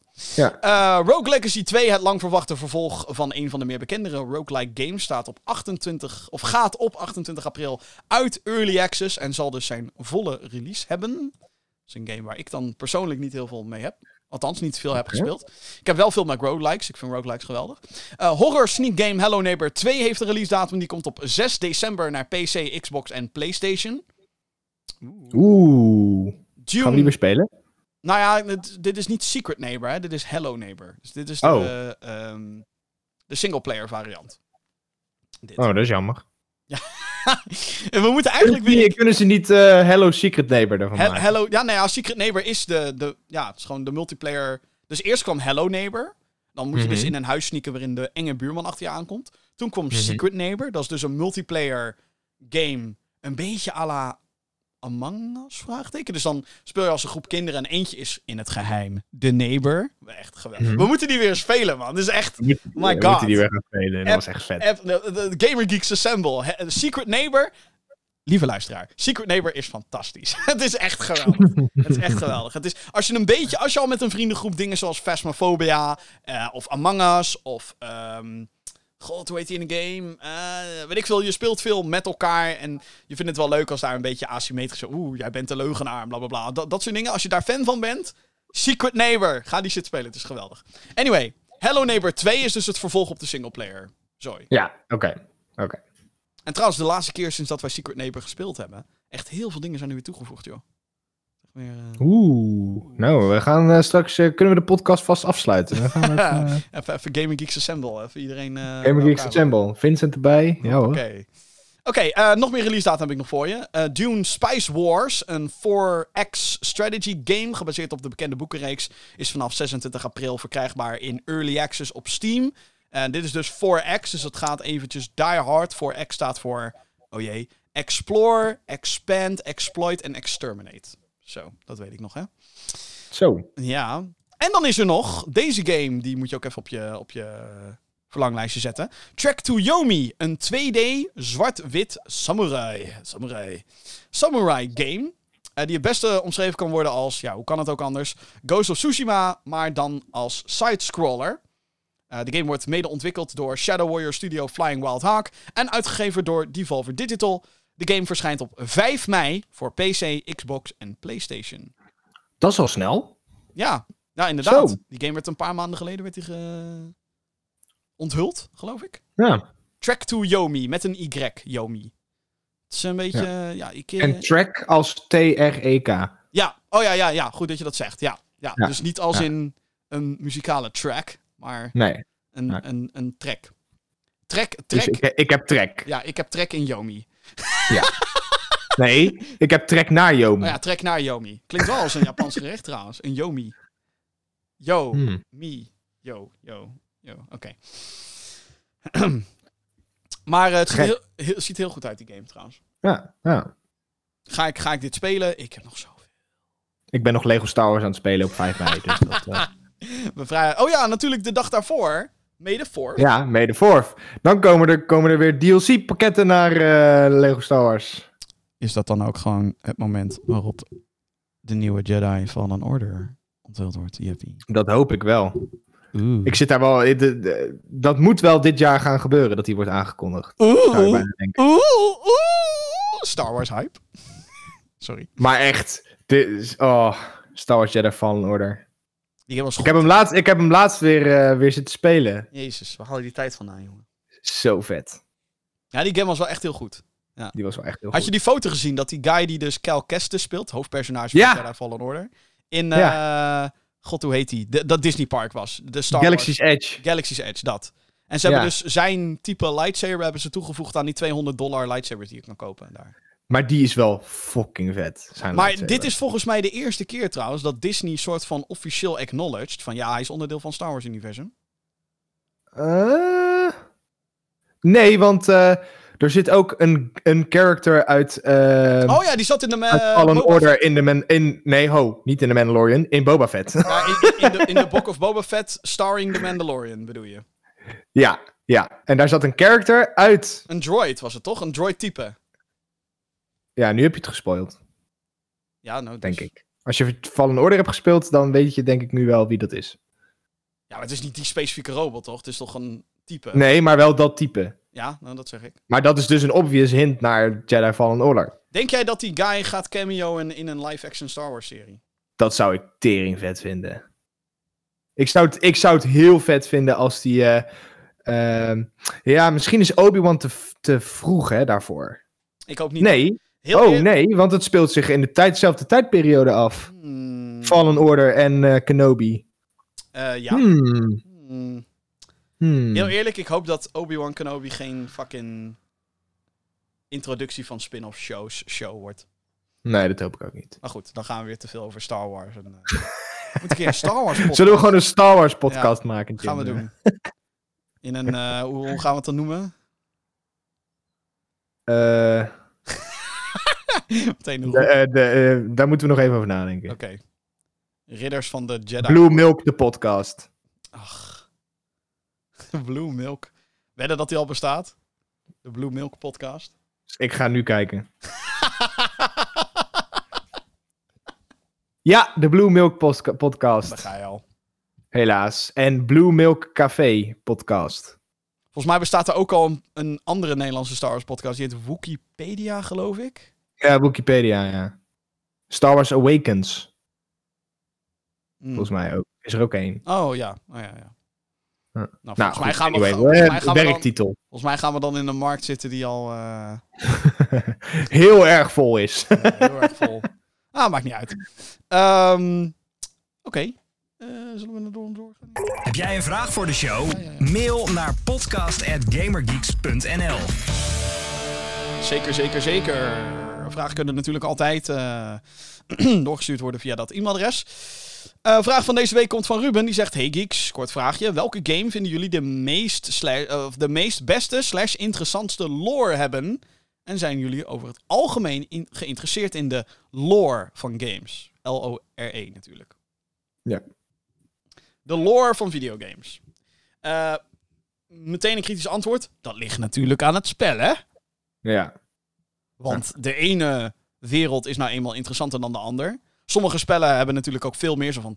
Je moet echt alles lezen, want het is super interessant. En anderen hebben zoiets van... Ja, we hebben hier lore omdat het moet. Maar je kan het lezen als je wilt. Het is hartstikke interessant en grappig. Maar hè, Doom Eternal is een goed voorbeeld. Die heeft allemaal lore dingetjes en verhaal. En alle demonen worden uitgelegd en zo. En de hele geschiedenis van die wereld. Maar ja, je kan ook gewoon doorlopen en demonen neerknallen.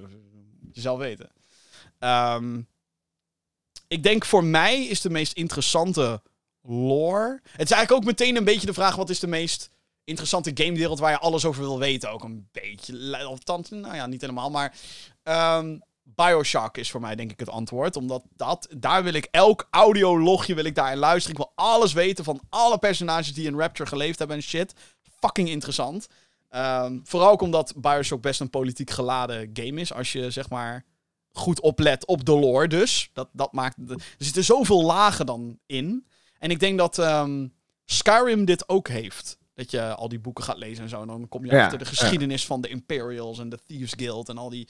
Wow, dat, dat, dat, maakt, dat maakt zo'n universum nog groter. Heb jij ook eh, games waarvan jij zegt, die lore daarachter? Wow. Ik ben over het algemeen niet echt iemand die heel erg in lore duikt. Ehm, ik blijf vaak best wel op de, op de, op, gewoon op het, ja, on, on the surface, zeg maar. Mhm. Dus aan de oppervlakte daarvan. Ehm, maar als ik er dan eentje moet kiezen waar ik dan toch wel heel erg in geïnteresseerd ben, is de lore van Sea of Thieves. Hij Sea of Thieves Eh, lore? Ja, he- heel veel lore. Oh. Heel veel lore. Er is zelfs nu, ze hebben nu een soort eh, nieuwe eh, eh, event geïntroduceerd. Adventures heet het. Sea of Thieves Adventures. En eh, daarin worden eh, elke maand is er een periode waarvan, van twee weken waarin je op een soort quest gaat eh, die eigenlijk heel erg gebaseerd is op de lore. Oh, Dus dat is echt een soort lore quest. Eh krijg je dan ook weer rewards voor en zo.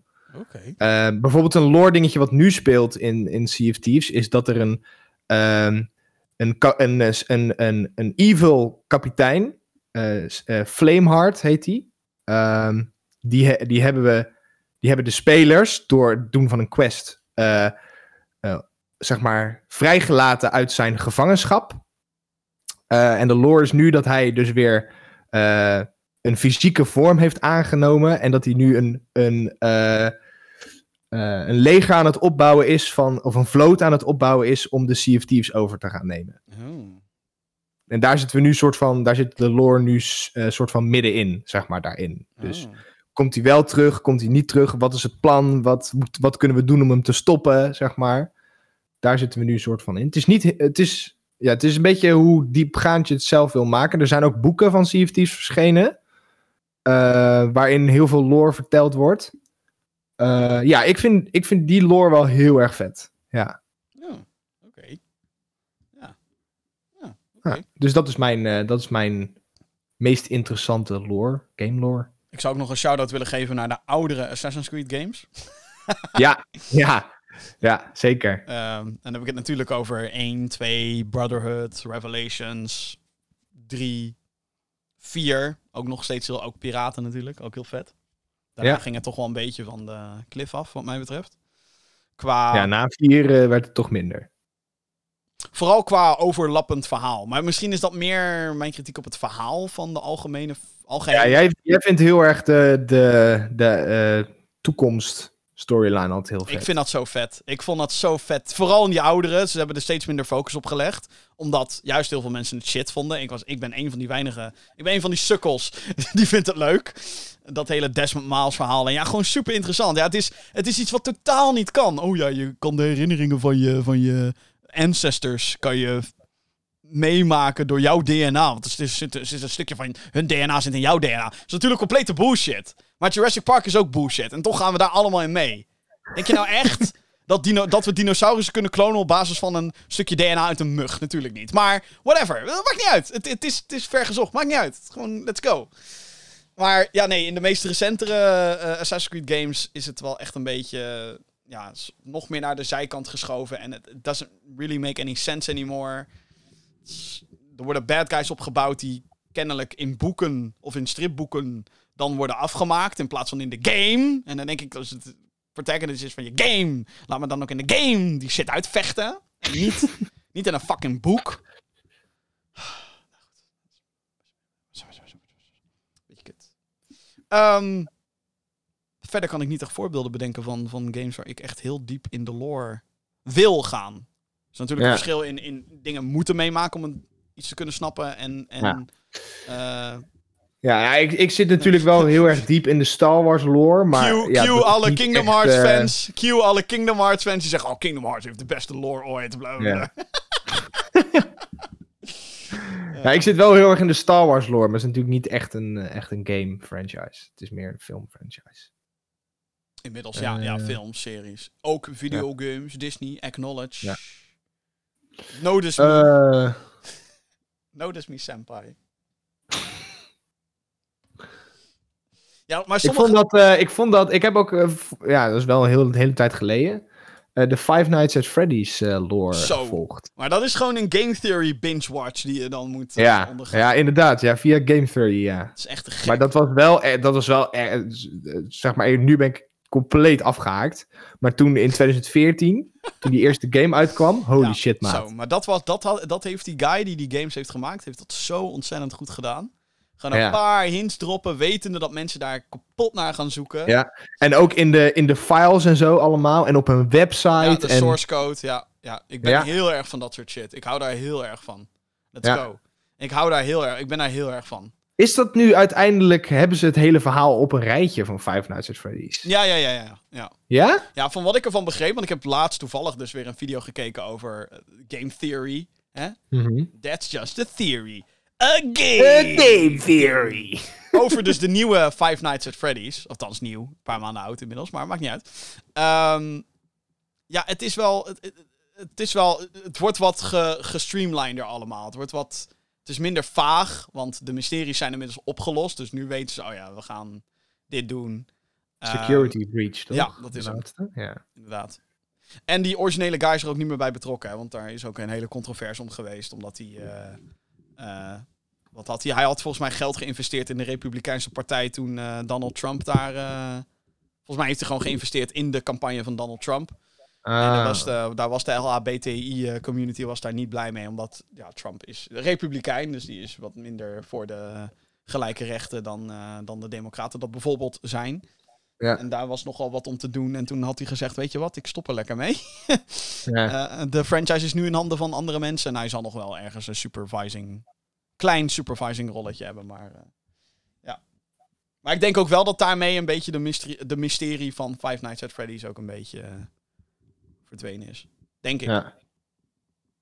Ik probeer echt... ja, het ziet er ook heel anders uit, die eh, security breach, in, in, ten opzichte van hoe de eerdere games eruit zagen. Ja, aan, aan zich vind ik dat dan wel weer leuk, omdat het meer als een volwaardige game voelt dan... Ja, ja, ja. Oh, by the way, als we het over lore hebben en interessante... Ik denk dat jij het hier wel misschien mee eens kan zijn.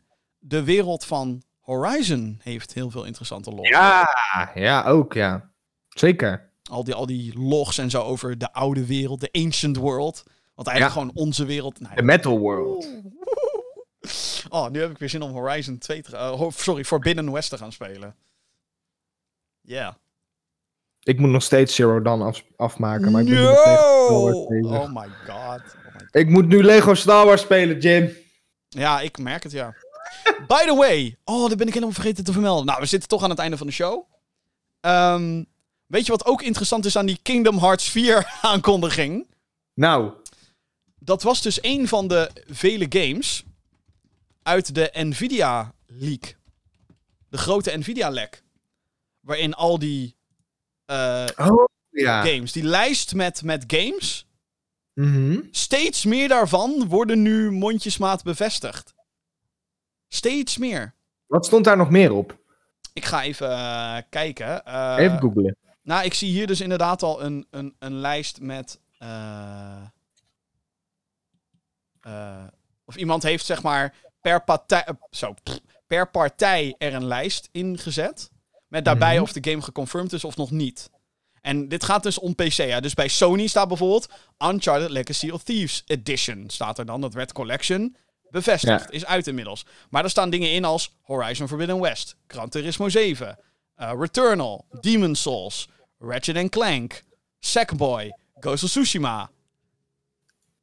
We kunnen ervan uitgaan dat dat allemaal naar PC komt, dames en heren. Eh, bij Microsoft staat onder andere Halo 5. Graag. Want je kan alle Halo's nu spelen op PC. Behalve 5. Ja. Vind ik jammer. Eh, Gear 6 wordt daar onder andere ook op genoemd. Eh, Square heeft dus echt een heel interessant lij- lijstje. Want die had dus dingen als Chrono Cross Remaster stond er. Ehm, die is dus inmiddels gewoon uit. Ja. Kingdom Hearts Ja. 4 stond dus ook op die lijst. Die is inmiddels aangekondigd. God of War voor PC. Zie ik hier? Ja, die is ook al. eh, Street Fighter 6 van Capcom stond op die lijst voordat Ja, het werd aangekondigd. Is inmiddels aangekondigd. 4. Eh, Crisis 4 is inmiddels aangekondigd. En eh, Ja? bij Capcom op die, op die gelekte lijst. Dus even voor de context, context nog. Sorry, sorry als je het even niet snapt. Een tijdje geleden is er dus een grote lek geweest bij Nvidia. Videokaartmaker, drivers en zo. Mhm. Hebben ook een, een streaming service, GeForce Now.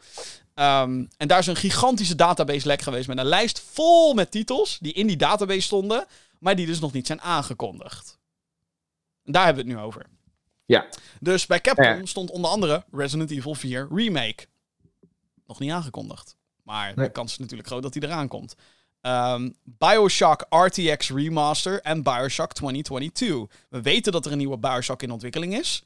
We weten eigenlijk nog niet dat er een RTX... En hoe vet zou Bioshock zijn met RTX? Ja. Hype. Uh, Ik zie hier ook nog eh, Gear 6. Ja, daar had ik het... Die zei ik net al. Oh ja, oh sorry. Eh, Titanfall 3. even kijken. Half-Life 2 Remastered. Wat?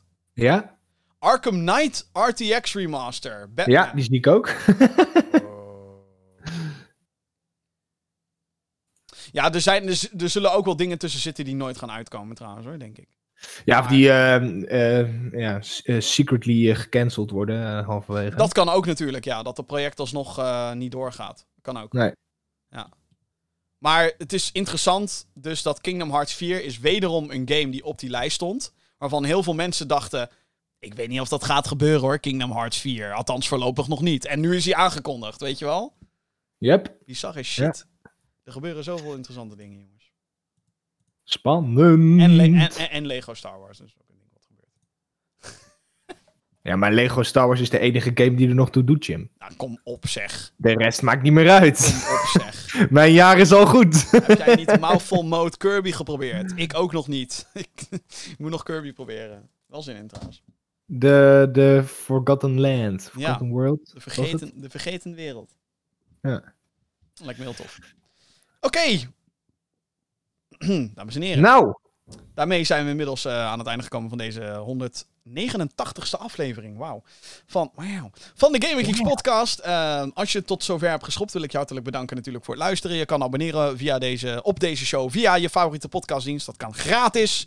Heb je geen subscription voor nodig of wat dan ook. Alhoewel, je kan je dus gratis abonneren op deze show. Dan krijg je, zodra er een nieuwe aflevering is, krijg je die meteen in jouw favoriete podcast app. Zoals bijvoorbeeld Apple Podcast of Spotify bijvoorbeeld. Via die twee diensten kan je ook een recensie achterlaten. Doe dat ook vooral. Vijf sterren, daarmee help je ons heel erg algoritmisch gezien.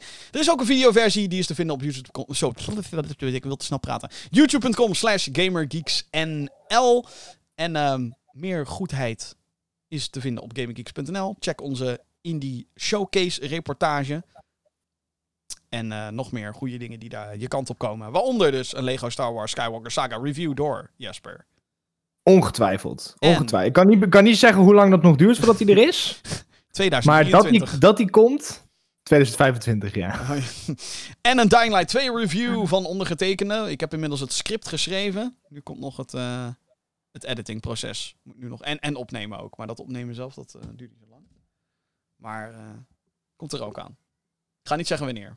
Want beloftes doen... Ik ben goed in beloftes doen. Ze nakomen, dat dan weer niet. Nee. Beetje. Anyway, ehm, lieve luisteraar. Eh, oh ja, en stem natuurlijk op de Gaming Geeks podcast via de online radio awards.nl. Yeah. Ja, bedankt voor het luisteren naar deze 189e aflevering van de Gaming Geeks podcast. En heel graag tot een volgende keer. Later.